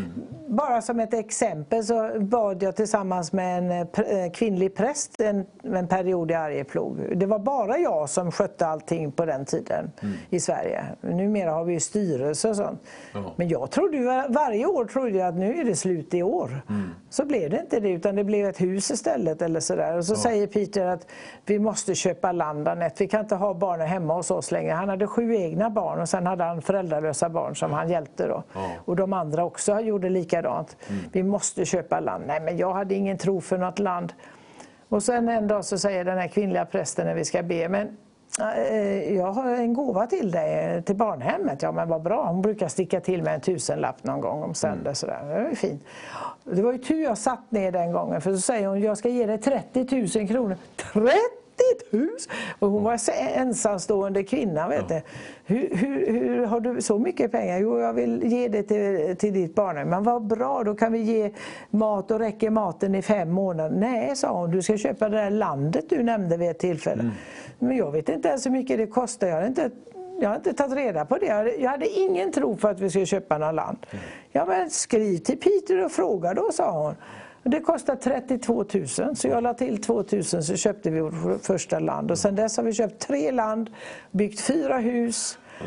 Och ja, det bara växer. Det jag sitter och tänker på nu, växer. när jag hör det här nu, allt jag varit med om. Så i början i tonåren här, en blivit utkastad från söndagsskolan och bråkat och härjat. Tänk vad Gud kan göra med ja, en människa. Ja, men det finns hopp vad för alla. Det finns hopp för alla. Ge ett ord till inbjudan till alla våra tittare här till frälsning. Ja, det som är mest fascinerande tycker jag, som man tyvärr inte alltid hör i kyrkorna, det är ju att Gud kan tala till dig. Och, och, och, det har han gjort så mycket i mitt liv. Utan det så skulle inte det vara någonting. Och det är det jag vill ge dig idag. För jag är ju ingen speciell, det har ni redan fattat. Men Gud är speciell och han vill använda dig precis som han vill använda mig. Och jag känner att jag vill, jag vill ha ännu mer av Herren. Jag, vill, jag har gått många år med honom nu och lärt känna honom. Och nu har vi fem barn och fyra barnbarn, två barnbarn till på gång. Men Gud är så mycket större än bara sin egen lilla familj. Han vill använda oss till så mycket och nöden är så stor runt oss. Och jag jobbar nu som jourmamma. Eh, så jag får, vi får hem barn från socialen som behöver, behöver en vuxna, en, en bra familj att landa i när det är väldigt stökigt och tokigt i sina egna liv. Och alla har vi en uppgift och det har du också. Om du sitter där och tänker, jag har ingenting att göra, jag har ingenting att ge. Du har så mycket du kan titta på som du kan ge och göra.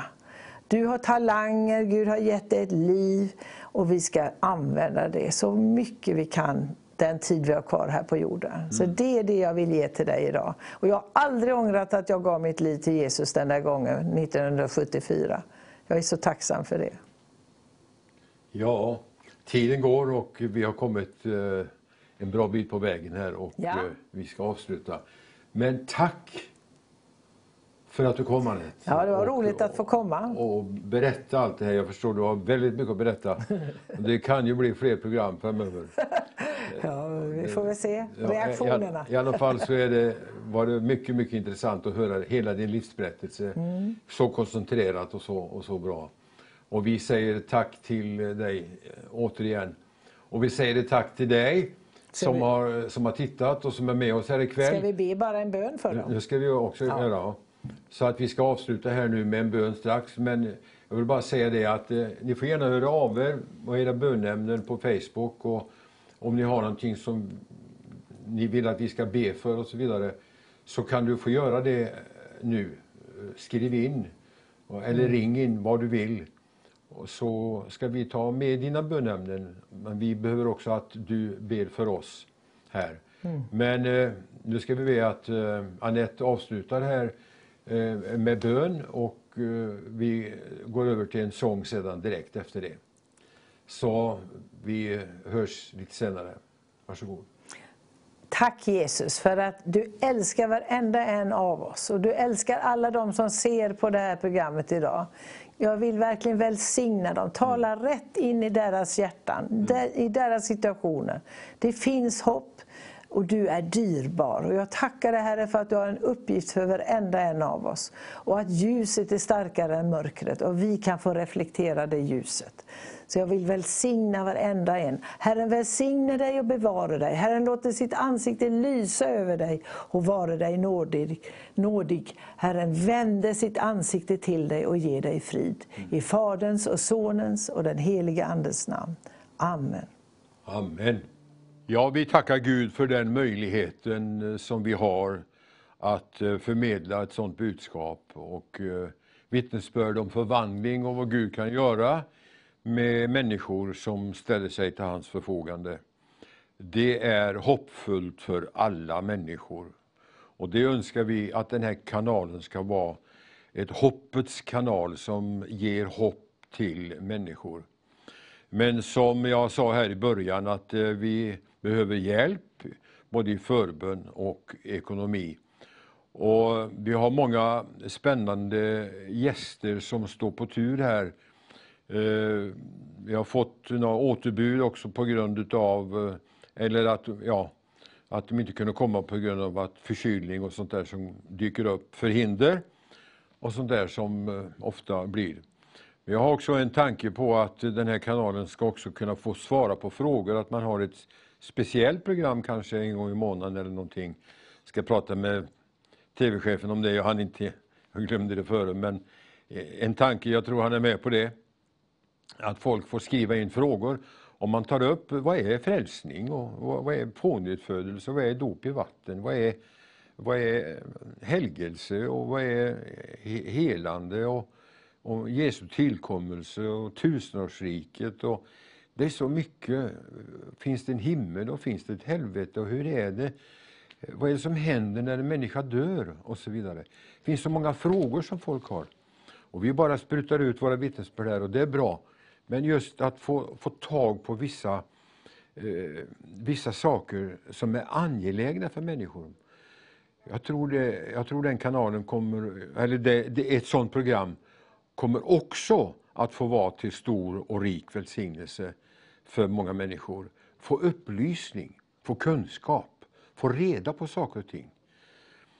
Och livet är inte alltid så lätt. Det är svårigheter, det är kamp och, och strid och vi har våra mänskliga svagheter och våra temperament. Och vi, har, vi lever i en tid också som är ganska så eh, svår och, och, inte minst under den här eh, virusperioden som vi befinner oss i som är så underlig och som har ställt till så mycket elände, kan man väl säga, och så mycket annorlunda. Det är väldigt, väldigt allvarligt egentligen. Och, men om vi tar hänsyn till det råd som, som eh, våra eh, läkare och de som kan det här, det råd de ger, det ska man ta vara på. Försöka att praktisera, sätta i verket. Och vi önskar så att eh, den här pandemin ska försvinna så fort som möjligt. Men det är inte bara att klicka till med fingrarna och sen tro att det ska gå iväg. Men vi hoppas att folk ska ta sitt förnuft till fånga och verkligen tänka sig för hur man umgås med andra människor och att man då skyddar sig. När vi åkte tillbaka från, eh, från Amerika nu sist så, i augusti, när vi kom på flygplatsen, det var som en eh, spök, eh, ett spökhus nästan. Det fanns nästan inget folk där. Det var nästan helt tomt. Det var bara vi, det, det flyget som skulle gå. Och när vi gick in i byggnaden så fick vi sätta på ansiktsmask för näsa och mun. Och det hade vi på under, under flygresan också, ända hem till Sverige och till Göteborg. Och där man behöver det, så ska man naturligtvis, naturligtvis respektera det och ta det allvarligt. Då undviker man smittspridning och att bli sjuk. Det är väldigt, väldigt viktigt. En del tar sig lätt på så trött på det. Ja, men det är klart. Det kan man ju bli på mycket här. Men just detta att ta det på allvar, det är bara en liten passus. Och jag läste en intressant artikel eh, i Aftonbladet här, det var citerat på ett ställe, och eh, Svenska Dagbladet också citerat hur man genom att öka kväveoxiden i eh, ådrorna och i kroppen. Eh, också kan hjälpa lungorna och det kan bli en, en hjälp till eh, även eh, när det gäller eh, den här pandemin och när det gäller coronaviruset. De forskar på det nu på Karolinska och, och så vidare. Och ni som har hört mig förr vet ju att, eh, att jag har påmint om hur tre forskare från USA fick eh, Nobelpris eh, Eh, i medicin 98 för de upptäckte att kväveoxiden skulle göra sådana sån nytta i artärerna när de blir gamla och, och förtorkade och krymper. Att de håller liv i dem och öppnar artärerna. Och ni vet att hur jag fick, fick öppnat så jag slapp en bypassoperation och det är nio år sedan nu. Och jag fortsätter att tillför kroppen det som fattas. Och det är intressant att eh, forskning nu kommer mer och mer ut på Eh, det naturliga också för att ta vara på kroppens möjligheter att läka sig själv. Ibland kan det ta tid, ibland kan det gå fort. Det som är ännu viktigare, det är ju att vi har det rätt ställt med Gud. Och den som har det riktigt, riktigt stökigt och riktigt, riktigt eländigt kan få det bra om man erkänner sitt behov och ber om nåd, ber, om, ber Gud om hjälp, om frälsning. Det är bara så enkelt. Att det här, Gud är alltid nära den, står det, som har en ödmjuk och förkrossad ande. Det stolta står han emot. Han kan inget göra. Men det står att det ödmjuka ger han nåd. Och det är det vi behöver. Vi är inte förtjänta någonting egentligen som kommer från Gud. Därför att eh, vårt liv har varit rebelliskt emot Gud, vi har gått vår egen väg. Det säger Jesaja redan på den tiden, cirka 700 år före Jesus kom, att vi, var och en av oss ville vandra sin egen väg, men Herren lät allas vår missgärning drabba honom. Vi går vår egen väg. Men det är inte den väg som leder till livet. Jesus är vägen till livet. Han säger, jag är vägen, jag är sanningen, jag är livet. Han säger inte att jag är en av vägarna, utan han är vägen till livet. Och ingen kommer till Fadern, säger han, utom genom mig. Vi måste genom Jesus. Och varför är folk så motsträviga när det gäller just det, att komma till Jesus? Det är väl väldigt konstigt egentligen. Men så är det, så har det alltid varit. Men så säger Jesus då att den som vill, han kommer. Den som vill, han får komma. Och det är det vi önskar. Och att den tonen ska få gå vidare. Därför engagerar sig folk både i teknik och, och, och, program och allt det här. Medarbetare som engagerar sig, som kunde göra någonting helt annat. Men de engagerar sig i det här arbetet därför att de vet att det är ett gott budskap som går ut till folket. Vi kan inte frälsa någon, men vi kan visa vägen till frälsning. Vi kan inte rädda någon direkt, vi har inte förmågan att göra det. Men vi kan visa vägen till honom som kan rädda, som kan frälsa. Och sen är det för var och en att ta ställning själv. Om isen är svag och du ser några barn springa ut på en svag is, då ropar du ett varningens ord. Du försöker att stoppa dem. Och det är det vi försöker göra. Vi försöker stoppa människor som ger sig ut på svag is, som håller på att gå förlorade, som drunknar i synd och överträdelser. Vi vill säga att det finns ett annat liv, det finns räddning om ni vänder om och kommer med fötterna på, som Bibeln talar, en fast klippa. Och den klippan är Jesus Kristus. Därför vill vi att ni är med och ber för det här arbetet och är med och stöder det också ekonomiskt. Jag ser att, eh, att eh, telefonnumren finns där på skärmen och jag ser också att, att eh, swishnummer finns där och allting. Och jag hoppas verkligen att du har varit lydig Guds maning. Det är ingen lek det här. Vi gör inte det här av egen, eget begär och, och, och, eller penningbegär. Men som jag sa här i början, det kostar och vi måste gå den här vägen för att kunna betala kostnaderna. Evangeliet är gratis, men det kostar att få ut det. Ja, ska man ha varor från affären så får man betala varorna och så får man betala transporten också. Både dit och kanske ibland när man ska därifrån, beroende på omständigheterna. Men evangeliet, det vi får från Gud, det är gratis. Frälsningen är en Guds gåva, men det kostar oss massa pengar att få ut detta budskapet till våra medmänniskor. Och inte bara det, du måste hjälpa oss på en sak till och det är att göra den här kanalen känd. För hur ska de kunna veta vad vi säger, vad vi gör här, om inte de känner till kanalen? Därför så ska du berätta. Jag kan träffa människor som inte vet om att det finns ens en kristen kanal. Men det finns flera kristna kanaler i vårt land och vi ber att Gud ska använda dem alla och vi ber att Gud ska använda den här kanalen. Och vi ska nu flytta ifrån den här studion som ligger i Gamlestan och vi ska flytta till Tredje Långgatan. Och jag hoppas att du vill vara med och stötta det arbetet. Jag vet att det är många som kanske ser reprisen. Och var med du också då och gör din insats. Och har du gett Gud ett löfte, så håll det för allt vad du gör. Om du har gett Gud ett löfte, så är det väldigt allvarligt. Det är klart, bryter du det, så kan han ge nåd. Men eh, jag blir så skakad idag, jag måste få läsa det här, citera åtminstone det här, när jag läser i Apostlagärningarna om Ananias och Safira. Det är ju ett grymt exempel på vad som kan ske. Man leker inte med Gud. Man gör inte det. Man leker inte med Guds ord. Man kan inte ta det lätt. Det går inte. Ah, säger en del, det är inte noga. Det är inte noga. Det är väldigt noga.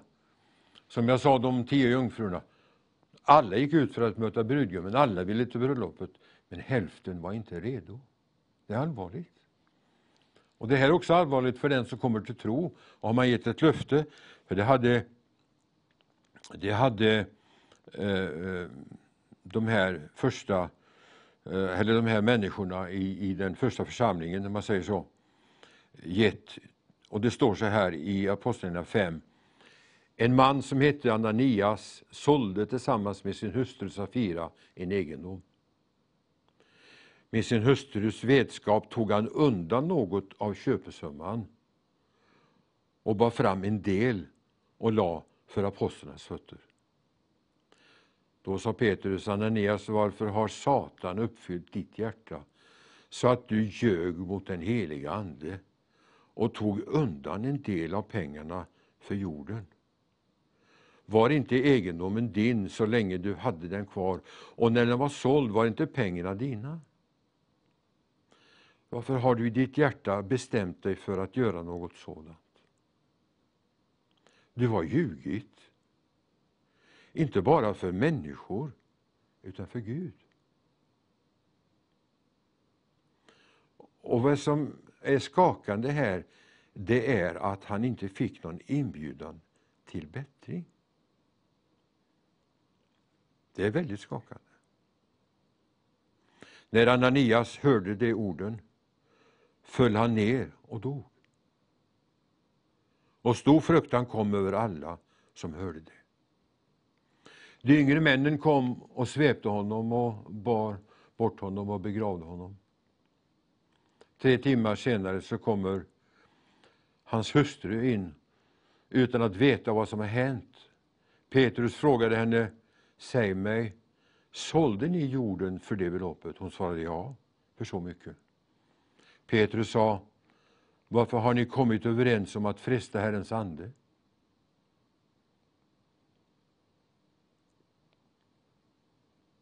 Se, de män som har begravt din man står vid dörren och de ska också bära bort dig.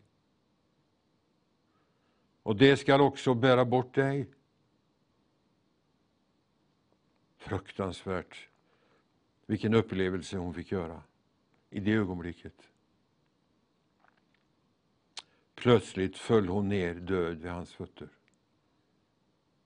När de unga männen kom in fann de henne död. De bar bort henne och begravde henne bredvid hennes man. Och stor fruktan kom över hela församlingen och över alla andra som hörde detta. Det var allvar och respekt. Det var inte bara halleluja, trallely, halleluja, lotta. Första kristna församlingen som det är i många idag. Jag såg på en så kallad kristen kanal idag ett vedervärdigt program, får jag säga. Det hör inte hemma. Dans. Halvnakna människor dansade i vatten. Och låg om och höll om varandra och så här. Det, det där, sånt vill vi inte ha i den här kanalen. Absolut inte. Vi måste få tillbaka respekten för Guds ord. Det har Gud talat till mig personligen. Om jag skulle rikta mitt finger ut så har jag tre mot mig. Det gäller mig, det gäller oss alla. Vi måste få tillbaka respekten för Guds ord och för det vi säger till Gud och de löften som vi ger till Gud. Vi måste ha den respekten tillbaka.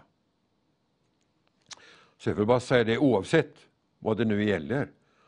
Har du gett ett löfte av Gud, jag vill inte säga att du ska dö, det ska vi alla göra en gång.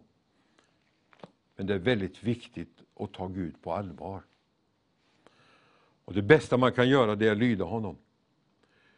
Trons lydnad. Trons lydnad. Det är inte bara att komma till tro, utan det handlar om lydnad sen för det som är sagt.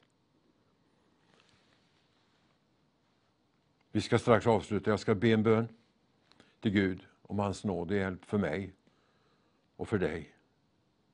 Och så ska vi ha en sång och så går vi in sen i bönetimman som Ruben tar hand om här. Vi ska be till Gud och under tiden så är du med och stöttar det här arbetet. Ska vi be. Himmelske Fader, jag ber att den här kanalen ska få vara vad du har ämnat den till. Inte en underhållningskanal. Inte bara en eh, kanal som ska underhålla folk, men som kan också ge dem ett budskap. Herre, använd Vision Sverige. Använd alla kristna kanaler i det här landet, i hela Skandinavien, så vi kan vara en röst i tiden som ropar som ropar om Herrens nåd, om hjälp, om frälsning. Du ska snart komma för att hämta din skara från jorden och vi önskar så av hela vårt hjärta att så många som möjligt ska finna vägen fram. Och om det är någon som just nu i den här stunden ber om din nåd och hjälp, om din frälsning och rening från alla synder, så hör du den bönen och svarar på den. Det tackar jag dig för, Herre. I Jesu namn. Amen. Amen. Och så vill jag säga och tack för den här sekvensen i vårt program ikväll och välkomna i morgonkväll tillbaka. Men också nu efter nio så fortsätter vi med förbön. Gud välsigne dig i fortsättningen. Nu lyssnar vi till sången.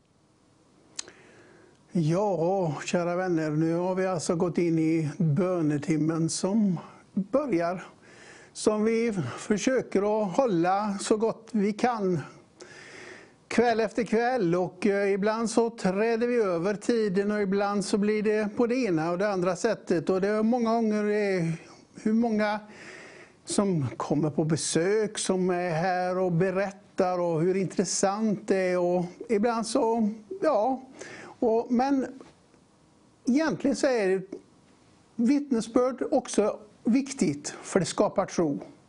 Och i tron så gör det att eh, man får en tilltro till att Gud med sina löften håller det han lovar, det som Bibeln säger.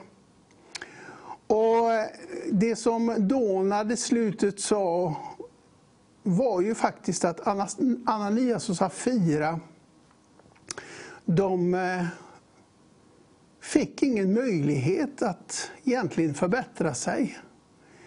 Eh, utan där och då så eh, blev det som det blev. Och eh, ibland så vet vi inte om morgondagen. Vi har ingen som helst garanti för nästa minut eller så. Utan det är viktigt att vi har en gudsrelation hela tiden att vi har en kommunikation med Gud i våra hjärtan. Att vi, när tiden är inne, vår livslängd har han bestämt, inte vi. Och därför är det så viktigt att veta det, att jag ska alltid vara redo. Vi går in som sagt i förbundstiden och förbundsstunden här. Och ja, ni sänder ju in som vanligt era bönämnen och eh, det är så fantastiskt att få läsa. Få läsa er tro till att det ska hända och även tacksägelse för att det har hänt. Det är vi så glada för.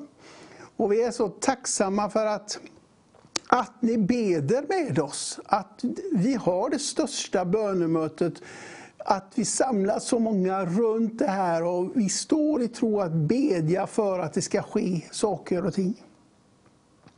Och Det är så roligt när ni hälsar från de olika platserna i både Sverige och utanför. Och som alltid så har vi en som är från Färöarna som alltid hälsar. Och jag tycker det är så fantastiskt Eh, och även ifrån Torhaven.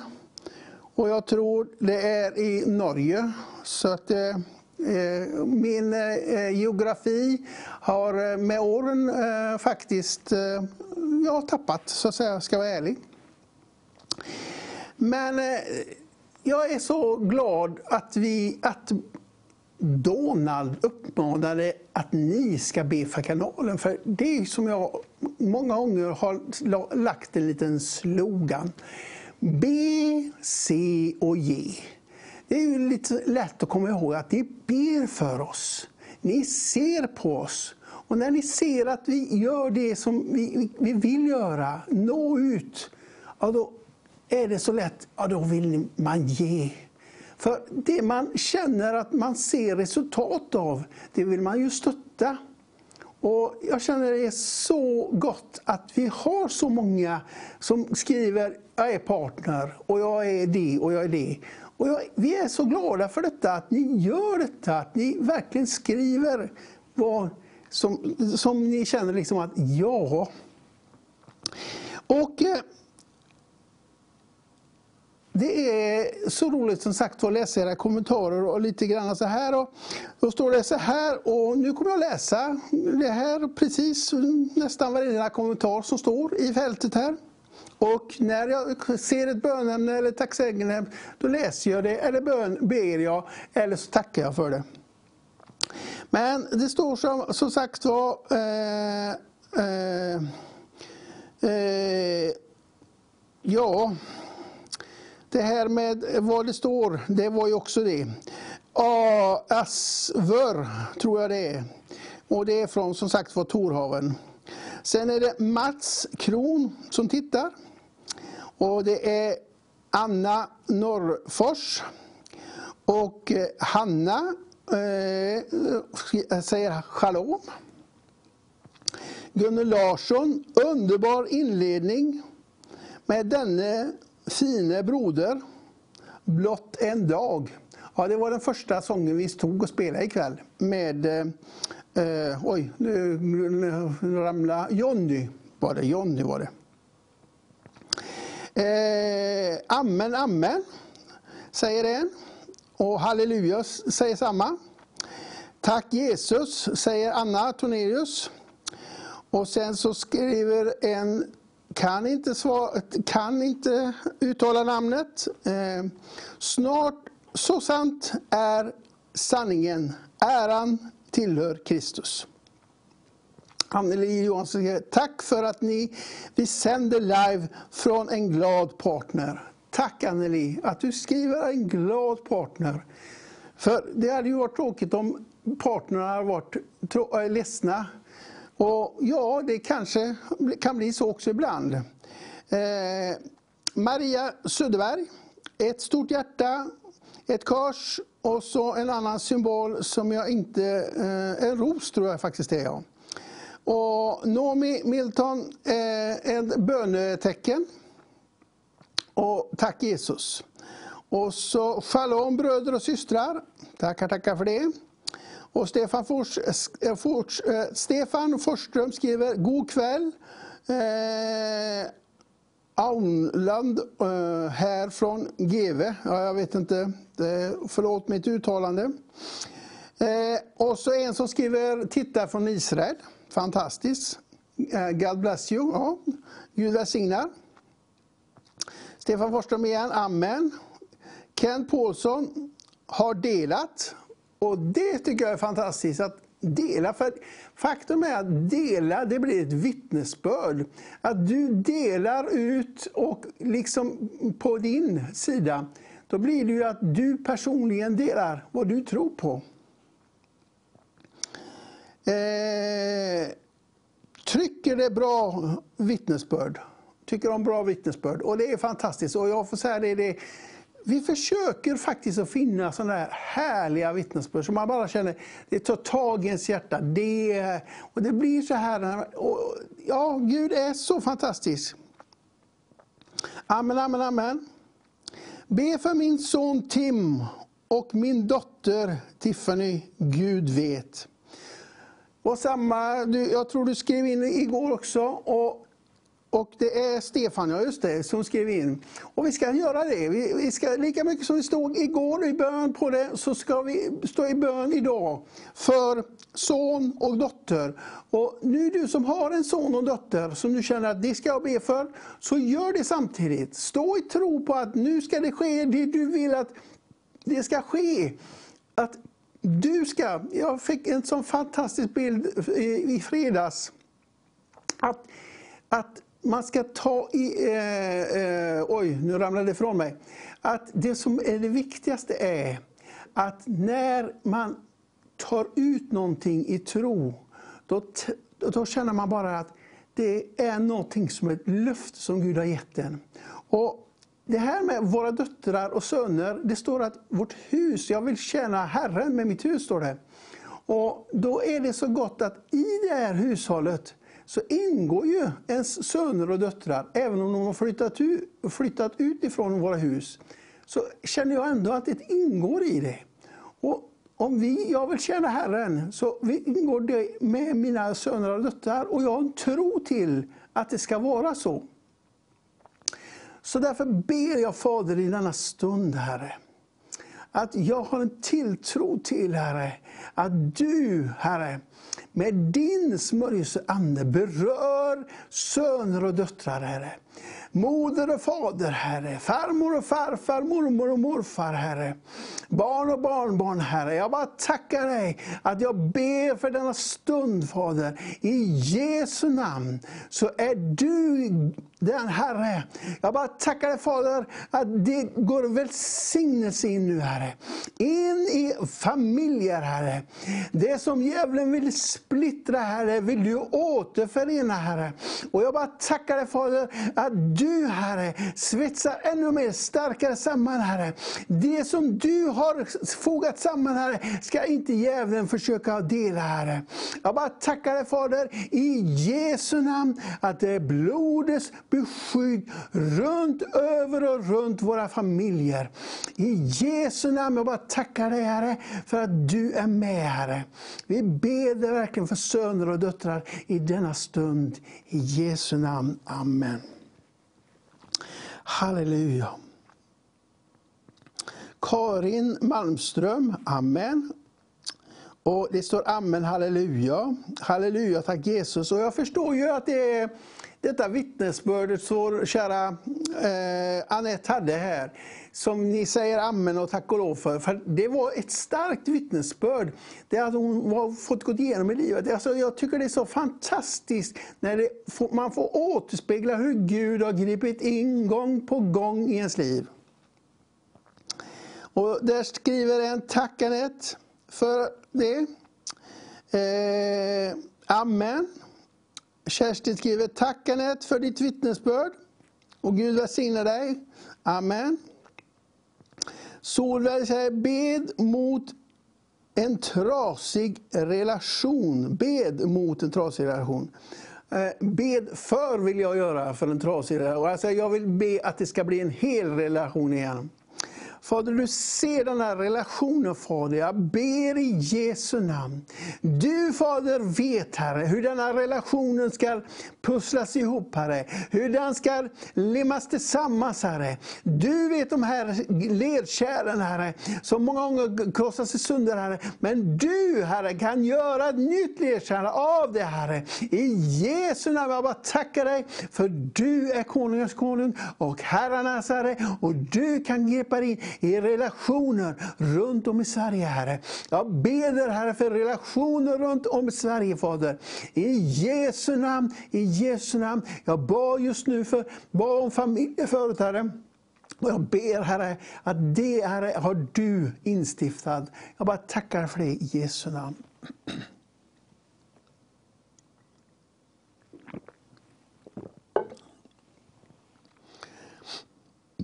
Frälsning för familj, Lisa Donnelly. Mm.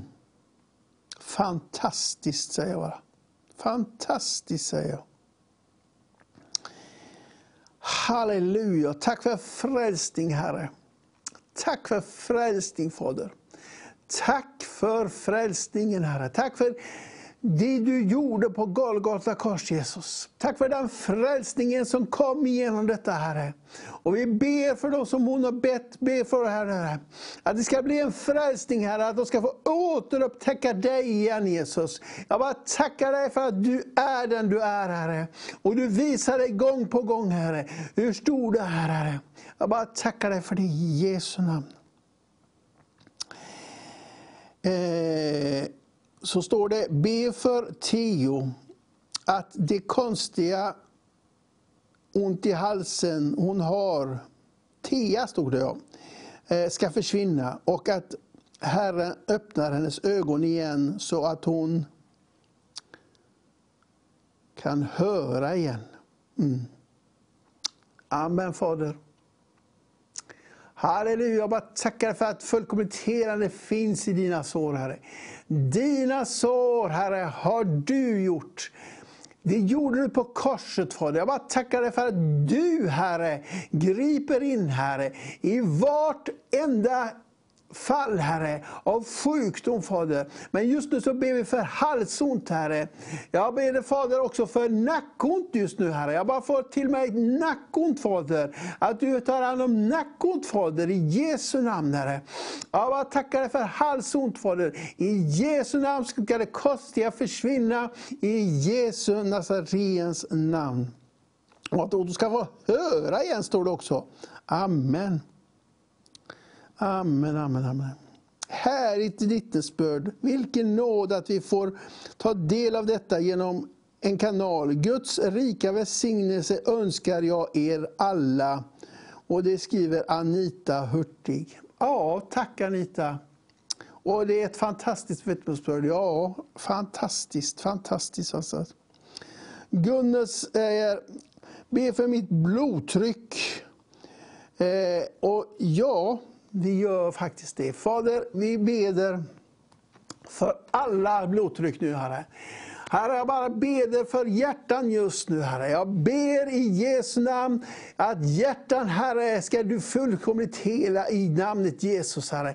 Jag ber, Fader, att du, Herre, griper in, Herre, och förändrar blodtryck, Herre. I Jesu namn, Herre. Jag bara tackar dig för att du är den du är, Herre. Och du har gjort det på Golgata redan, Herre. Lika mycket som du har tagit frälsningen så har du tagit sjukdomen, Herre. Jag bara tackar dig, Herre, för du är den den du är, Herre. Och vi får bara ta emot dig. Amen, amen, amen, amen. amen. Halleluja. Eh. Oj, här har den låst sig. Ska vi se om vi kan få igång den här. Ska vi se här.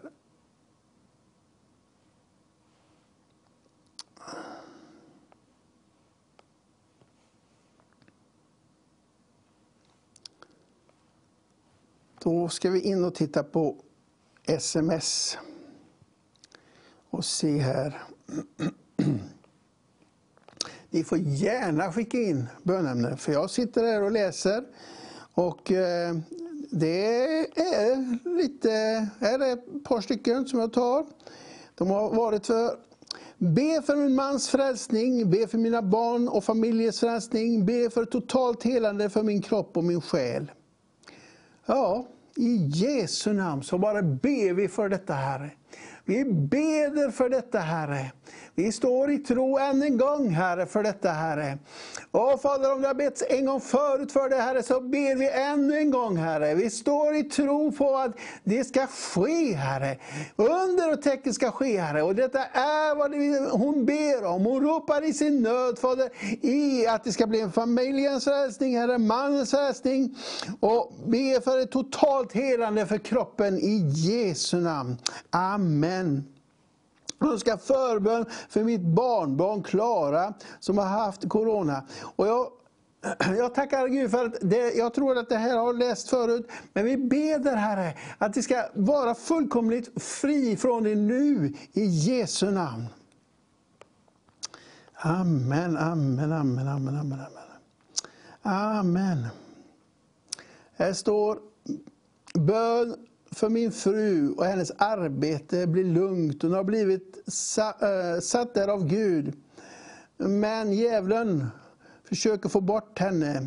Eh, blir falskt anklagad, förtal, men be att det blir lugnt så hon får en glädje istället för bedrövelse i arbetet. Fader, Herre, om du har sett henne där, Herre, så är blodets beskydd runt över henne. Och låt dem bli en auktoritet, Herre, i anden, Herre, på sin arbetsplats, Herre. Jag bara tackar dig för det, för du, Fader, är där, Herre. Låt den helige Ande fyllas henne, så hon fylls med glädje, Herre, för att du har satt henne där. Hon ska vara glad, Herre, i, Herre. För om du har satt henne på en plats, Herre, så ska hon fyllas med glädje, Herre. Åh, Fader, jag bara ber dig i Jesu namn, att det ska bli en förändring på denna arbetsplats för henne, i Jesu namn. Min dotter, en fyrbarnsmor, behöver ett jobb. Eh, hon är personalvetare, svår med tjänst i de här tiderna. Gud har alla resurser och arbete. Ja, i Jesu namn, du ser Fader, med detta med jobb Herre, i dessa tider är det många som hamnat i olika konstigheter. Fader, jag bara tackar dig Herre, att du Herre, Se till att dina barn får det de behöver, Fader.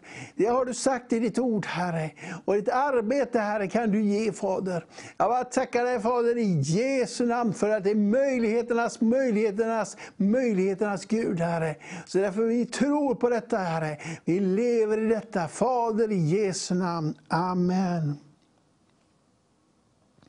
Bön. Jesus, låt min tonår, tonåriga bönebarn få möta dig och bli härligt frälst. Mina ton, ton, mitt tonåriga bönebarn, okej, okay, just det, så står det. Jesus, låt mitt tonåriga bönebarn få möta dig och bli härligt frälst. Fader, du ser denna bönebarn, Herre. Fader, jag bara tackar dig, Herre, att hon står i tro Fader, att det ska bli frälst, Fader. Jag bara tackar dig att du är den du är, Herre. Tack för att du, Herre, griper in, Fader, i Jesu namn, så att hon får se vem du är och få en tilltro till dig. I Jesu namn. Amen. Amen, amen. Amen, amen, amen, amen. Amen, amen, amen, amen. Amen, amen, amen, amen, amen, amen. Amen, amen, amen. Be för Kalles framtid och jobb och ett nytt liv. Ja, I Jesu namn, jag tror vi har bett för detta förut, men jag ber ändå. Och är det så att du har fått det så är det tacksägelse. Fader, jag bara tackar dig. Du ser Fader i detta. I Jesu namn, i Jesu namn, i Jesu namn. Be för en katt. För fortsatt hela från smärta och urinväg. Ja, i Jesu namn. Alltså det är så fantastiskt. Jag hörde en berättelse om en man. Han var fyra eller fem år gammal. Och var det, det, det var så här, det är länge sedan. Och eh, jag tror det var hästen eller om det var kon i, i, i, i, eh, i hushållet som så här, blev sjuk. Och de kunde ju inte vara utan den här, utan de behövde den här. Och den här lilla killen, han fick tro för att den här djuret, om det var häst eller kon eller vad det var, skulle bli frisk. Så han gick ut och bad för det. Och faktum var, det blev friskt. Och därför så tror jag att han kan fullständigt hela en katt. Kan han föra en katt tillbaka efter fyra och ett halvt år så kan han också hela en katt. I Jesu namn. Amen. Be för Lennart och Susanne, det har vi fått många gånger. Och jag hoppas verkligen att, det, att vi... Herre, Fader, jag bara tackar dig Herre. Du ser detta, denna gång på gång bön, Herre. Och Herre, jag hoppas verkligen att det, det, här har blivit en förändring nu, Herre. Herre, jag bara tackar dig, Herre, för det har blivit en förändring nu, Herre. Det har blivit en förändring, Fader. Halleluja, jag bara tackar dig, Herre. Jag upplever en sån total förändring, Fader. Jag bara tackar dig för att det har blivit det i Jesu namn. Eh, I Jesu namn.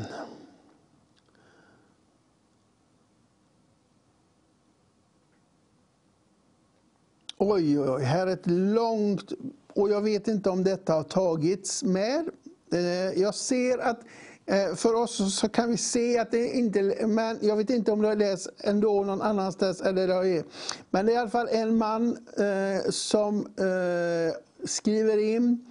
Be för mig, jag kämpar med svår depression och ångest i många år tillbaka. Trots att jag är, har en tro på Jesus Kristus så lever jag väldigt destruktivt liv för tillfället. Be för min ekonomi ska bli bättre. Be också för min, en kvinna som har diabetes och andra problem. Och hennes son ska bli frälst. Be också för resten av hennes familj som bor i, i Iran och i Norge. Eh, och... Eh, och så står det flera bönämnen som står här i detta. Och det är jättelångt. Och jag bara känner att jag, jag vill bara lägga på handen på alltihopa här. Och Fader, du ser det Herre. Du ser detta Fader. Du ser det. Och jag bara ber dig Fader i Jesu namn Herre. Att du Fader tar hand om detta Fader. I Jesu namn. Jag bara tackar dig Herre. För att du är konungars kung och herrarnas herre över detta Fader.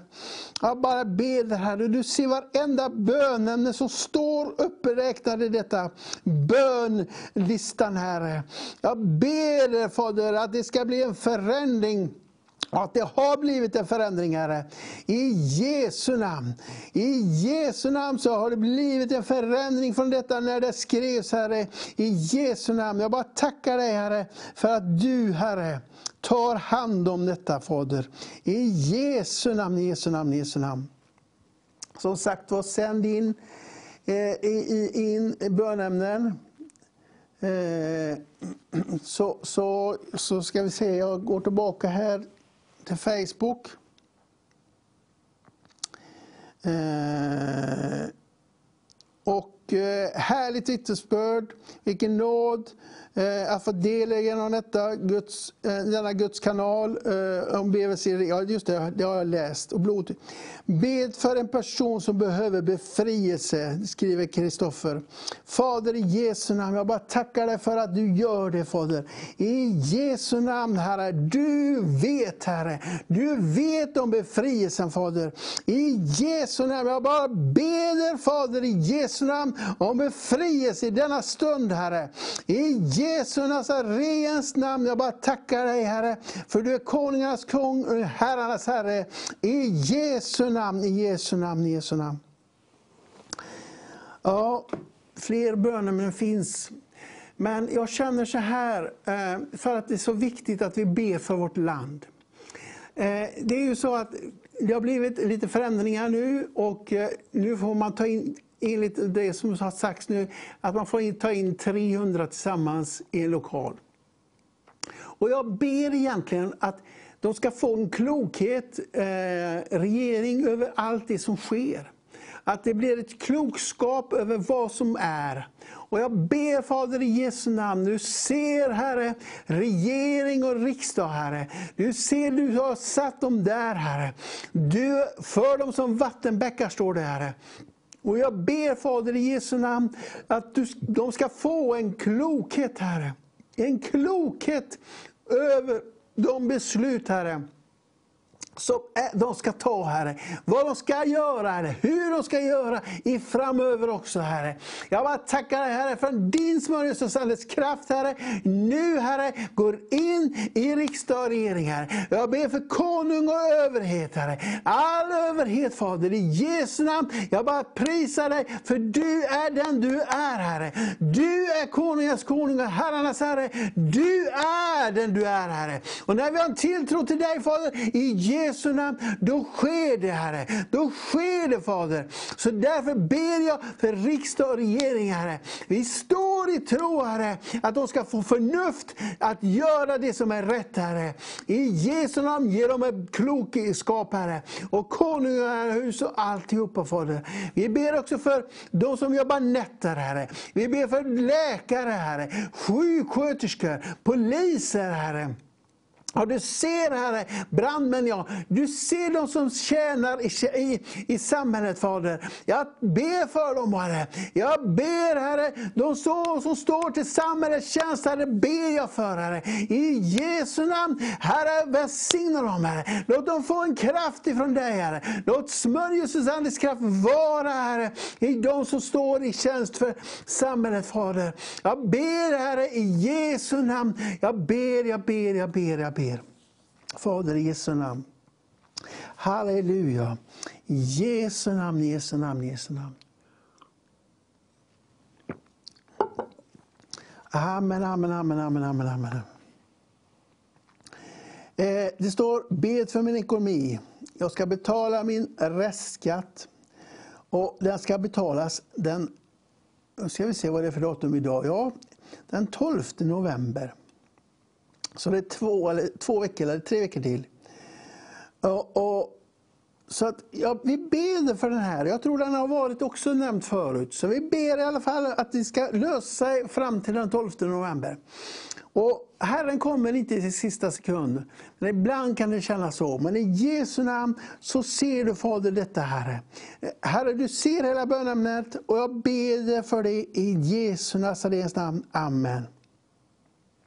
Vi ber eh, för en dame eh, som har reumatism och att hon blir frälst.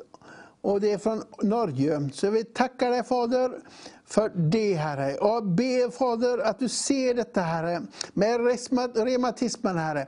Herre, alla namn Herre får böja sig under ditt namn Herre. Och det är, får även reumatismen göra. Jag bara tackar dig Fader att det sker Fader.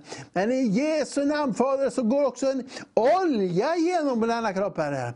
En olja Herre som gör att det blir leder Herre. Som gör att det blir smort Herre. Så att reumatismen försvinner. I Jesu namn, i Jesu namn, Jesu namn. En värmestråle går igenom Jesus. Amen. Och det var tack för ett välsignat program, skriver den. Och Gud vet, han har makten att det är... Jag vet att Gud har makt och det är inte omöjligt, men ändå känns det en sak omöjligt. Gud vet, hjälp, Gud hjälp. Fader, du ser vad detta här handlar om. Du vet exakt vad det handlar om, Fader. I Jesu namn jag prisar dig, Herre, att du tar hand om det nu, Herre.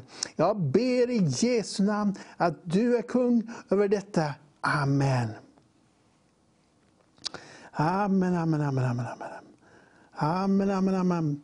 Be för en syster i Herren. Hon har aldrig träffat sin dotter. Eh, kan aldrig få kontakt med henne. Dottern lider av felaktiga tankar, handlingar och hon, som inte kommer från Gud. Be om Guds beskydd över dottern. Gud är den som vet hur det står till, inte någon människa. Tack för hjälpen för bön. Amen, en kristen syster. Fader, jag bara tackar dig. Du ser detta bönämne. En djup rop från dig, Herre. Eh, från, från den här personen, Herre. Ifrån djupet av sitt hjärta, Fader. Jag bara tackar dig, Herre, att du är den som går och riper in i detta. I Jesu namn. Vi har en tilltro att du är den som du är, Herre. Jag bara tackar dig i Jesu namn, Jesu namn, Jesu namn. Amen, amen, amen, amen, amen, amen. amen. Åh, oh, Jesu namn, i Jesu namn, Jesu namn, Jesu namn. Amen, amen, amen, amen, amen. eh, så står det Halleluja, be för dem, ber för dem fängslade så att deras hjärtan omvänder sig till Gud. Eh, samma för politiker, och ungdomar och familjer. Amen. I Jesu namn. Och skola och, och vård eh, och kränkningar och, ja, och för Israel. Amen. Fader, jag ber, Herre. Jag bara ber för detta bönämne som har skrivits in här. Fader, jag bara lägger fram allt det, Herre. Jag ber, Fader, och jag bara tackar dig, Herre. I Jesu namn. Jag bara tackar dig, jag bara tackar dig, jag bara tackar dig, Herre. Åh, i Jesu namn. Du ser det, Herre. I Jesu namn, i Jesu namn, i Jesu namn. I Jesu namn, i Jesu namn. Det är precis, Fader. I Jesu namn, i Jesu namn, i Jesu namn, i Jesu namn. Amen, amen, amen. Eh, be för vår son, adopterad, kom till oss för tre veckor sedan. Han är från Thailand, han har drabbats av en sjukdom. Eh, invärtes psoriasis, får cellgifter. Men Herren, amen, men det är viktigt att han kommer tillbaka till Jesus. Fader i Jesu namn, i Jesu namn. Du ser ett fullkomligt helande Herre, som behövs här Herre. Och du vet det här med psoriasis, i Jesu namn Herre. I Jesu namn Herre. Amen Fader, jag ber Herre. Låt det ske Herre. Låt ett under ske Herre. Ett ske. Åh, i Jesu namn. Jag bara tackar dig Herre. Jag bara tackar dig Fader, för att jag känner att det sker Herre. Jag känner att det sker i Jesu namn. Det sker Herre. Det sker ett under. Det sker ett under i Jesu namn. Åh, i Jesu namn så sker det ett under. Amen. Amen, amen, amen, amen. Amen, amen, amen, amen, amen. Det sker ett under, det sker ett under. Amen. Det är så viktigt när vi ber att vi tror att det ska ske ett under. Att det verkligen är så. Eh, eh, alltså, vi ska be som vi tror att vi ska få det. Det, det är, är, är, gång på gång, så, så, när man hamnar i situationer så är det viktigt att man går igenom. Och genom att man... Ah, oj! Genom att jag tror att det ska ske, att min tilltro till ordet att det ska ske, så vill Gud ge oss det. För det är redan oss givet. Och Därför är det så gott att veta att när jag har en tilltro att det ska ske, så sker det. Hoppas ni förstod vad jag sa nu. Men nu vill jag att vi går in och ni som känner att ni har någon skröplighet någonstans, lägg händerna på de platserna så ska jag be. Och jag vill be trons bön på att det ska ske under runt om i stugorna nu. För jag vill att det ska ske, för att det ska bli vittnesbörd för människor runt omkring er, att Gud har gjort under. Inte för att Ruben Ivarsson som sitter här har bett på ett vis och sätt, förstå mig rätt nu. Utan att Gud har gripit in på en tro som ni har bett i er nöd till Gud. Fader, jag bara tackar dig Fader i Jesu namn. Herre, jag ber om under ska ske, Herre. Och Fader, jag bara tackar dig för att du är konungars konung och herrarnas Herre. I Jesu namn så kan olika sjukdomar nu Fader, cancer Herre, i Jesu namn får ge vika i namnet Jesus. Att reumatism får gå i namnet Jesus. Att många andra sjukdomar som finns och som är gjorda av djävulen i Jesu namn får brytas och bara gå i namnet Jesus. Jag bara tackar dig för att du är konungars konung och herrarnas herre. Att det sker nu i Jesu namn. Att människor får vittna om att det sker nu i Jesu namn. Jag bara tackar dig för att du är kungare. Du är kungare. Du är kung i Jesu namn. Amen. Ni får förlåta mig, jag känner att jag är lite disträ. Och det kan bli så ibland, eh, man har lite för mycket runt omkring sig. Men jag vill ändå ha ett hjärta att tjäna Gud. Och när Donald sa att han ville att jag skulle ta det så då sa jag okej, okay, jag gör det. Ta bönen. Men fortsätt att skriva in. Eh, vi har en stund kvar, som ni ser på tiden. Eh, och eh, vi läser här, bön för en dam på 91 år frälst och fred i sinnet. Fader, jag bara tackar dig för att du ser detta, Herre. Du ser detta, Herre, i Jesu namn. I Jesu Nazarens namn så ber vi för detta. Amen, halleluja. Du är den som är kung, Herre. Halleluja, halleluja, halleluja. Det är så att jag har egentligen inte problem att be. Jag har inga, alltså jag kan sitta här och be och be och be. För jag älskar egentligen att bedja. Men ibland så kan det kännas att det är tungt, men då är det egentligen känslorna som spelar en spratt. Och ibland så kan det vara det som gör att Äh, jag tycker inte det går igenom, som vi brukar säga på gammalspråket, att vi ber oss igenom. Och ibland kan det kännas lite så här. Men då gäller det att ha den där tilltron, att det ska ske i alla fall. Även om jag känner i mitt känsloliv att det inte är som det är. Utan då är det viktigt att jag står fast i att Guds ord är sanning. Att varenda bokstav som ordet säger är sanning. Och det löftet som ordet säger, det sker. Så Fader, jag ber Herre för varenda bön som har sänts upp ikväll Herre. I detta bön Herre, i denna bön Fader så ser du varenda bön Herre. Du Herre, från denna stund Herre, kan gripa in i varje bönämne. Som människor som ropar ut i sin nöd just nu ropar Herre. Du kan gripa in just nu Fader. Jag tackar dig för du är den du är Herre. Jag bara tackar dig för du är den du är Herre. Och jag bara tackar dig för du är. Du är Herre. Det står så Herre. I första Mosebok, jag är står det. Och när han säger jag är, alltså det är så fantastiskt egentligen. Att om han har skapat himmel och jord, han har skapat oss vad är det då inte omöjligt för honom att fullkomligt hela oss? Alltså det är löftet som ordet gäller. Genom hans sår har vi fått fullständigt helande, står det. Och jag tror på Bibeln. Jag tror den är fullkomligt sann. Från första bokstaven till sista bokstaven. Det är därför jag sitter här. Jag har sagt det så många gånger.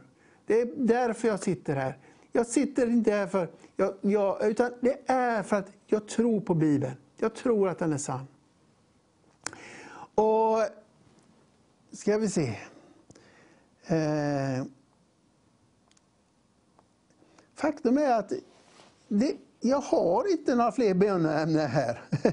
Det, det, är så. Det är så. Det, det, det är... Här är... Ja, det, det, jag har tagit så att säga, de flesta bönämnena. Eh, här är gamla bönämnen från eh, augusti månad. Så de ber vi för allihopa som har varit, Herre. Vi tar dem, Herre, och ber för dem, varje ett som har kommit in här, som inte blir avprickad. Herre. I Jesu namn, jag tar dem nu. Steg för steg så tar jag dem, Herre. Och eh, Eh, nämner dem vid namn, Herre. Jag bara tackar dig Fader för att du är den som tar, Herre. Halleluja. Jag prisar dig Herre, för att du är. Halleluja, halleluja, halleluja, halleluja. Nu gjorde jag någonting här, så jag måste komma tillbaka här. Eh, avbryt skriver vi så. Eh, ja, Fader, jag bara ber dig Herre. Jag tar varje bön här nu och ber dig för det Herre. Jag ber för det. Jag ber för det. De som är från augusti månad, Herre, som inte avprickade, Herre, så ber jag för dem nu i Jesu namn. Och tar och prickar av dem, Herre. Jag tar och ber för dem, Fader. Ett och ett, Herre, i Jesu namn. Så att vi tar verkligen alla bönämnen, att vi har bett för dem. och vi vi gör det, gång på gång så ber vi efteråt Herre för dem Herre. Men de har inte blivit avprickade Herre och nu gör jag det. Jag ber och avprickar dem i Jesu namn. Jag ber och avprickar dem i Jesu namn. I Jesu namn för varje bönämne.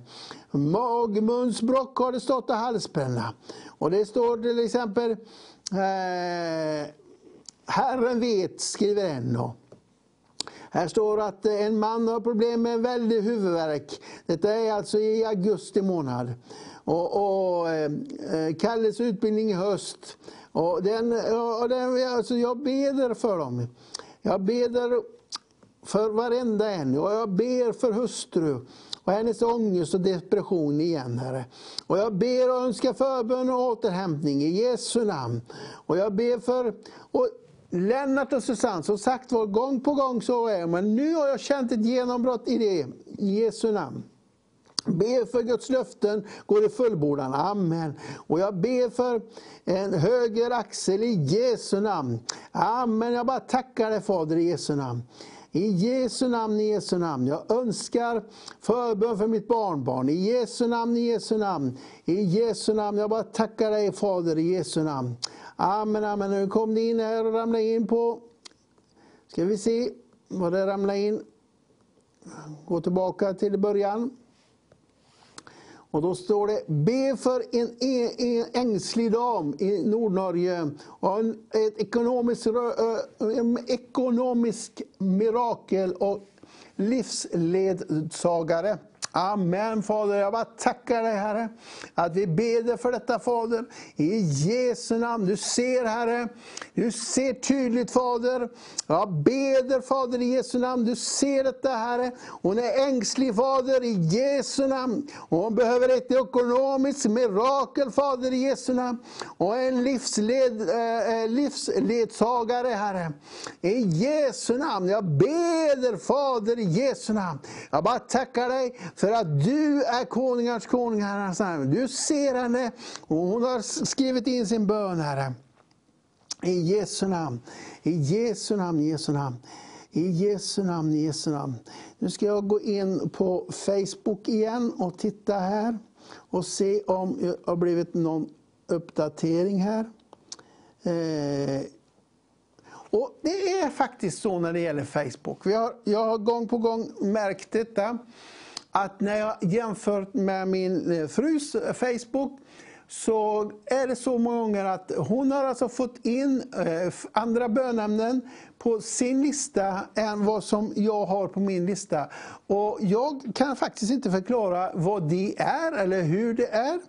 Och ibland så har jag fått tagit, eh, nu har jag en padda här för att se och försöka jämföra och då inser jag att ja, det är ungefär samma. Så så ni förstår att ibland kan det faktiskt ramla emellan eh, stolarna som man brukar säga. Det, det kommer alltså inte fram. Och, och, jag har ingen förklaring och det kanske ni har som kan skriva någonstans i kommentarsfältet att, att det är på det och det viset. Men vi lider mot vårt slut i, ikväll. Och som sagt var, som sagt var, imorgon är det sista kvällen härifrån den här studion. Och nästa vecka så flyttar vi in. Vi börjar jag bor i Göteborgstrakten, så välkommen klockan halv nio på lördag morgon och hjälp oss att bära ut studion härifrån. Om du har kraft och möjlighet och ork. Det finns på Rullgatan 9. Eh, fem våningar upp så är vår studio. Och du är välkommen att hjälpa oss eh, om du bor här i Göteborg. Eh, det går fortare och vi får snabbt över sakerna. Eh, det finns en del att bära. Det är både teknisk utrustning och alla vår dekor som finns bakom mig och runt omkring mig. Och ja, så du är hjärtligt välkommen att hjälpa oss. Som sagt var, och vi tackar dig för ikväll. Och imorgon kommer Donald tillbaka igen. Så på återseende och var välsignad. Och jag är helt övertygad om att Guds rika välsignelse har varit med er hela kvällen ikväll. Så ja, tack och var välsignad. Ha det gott.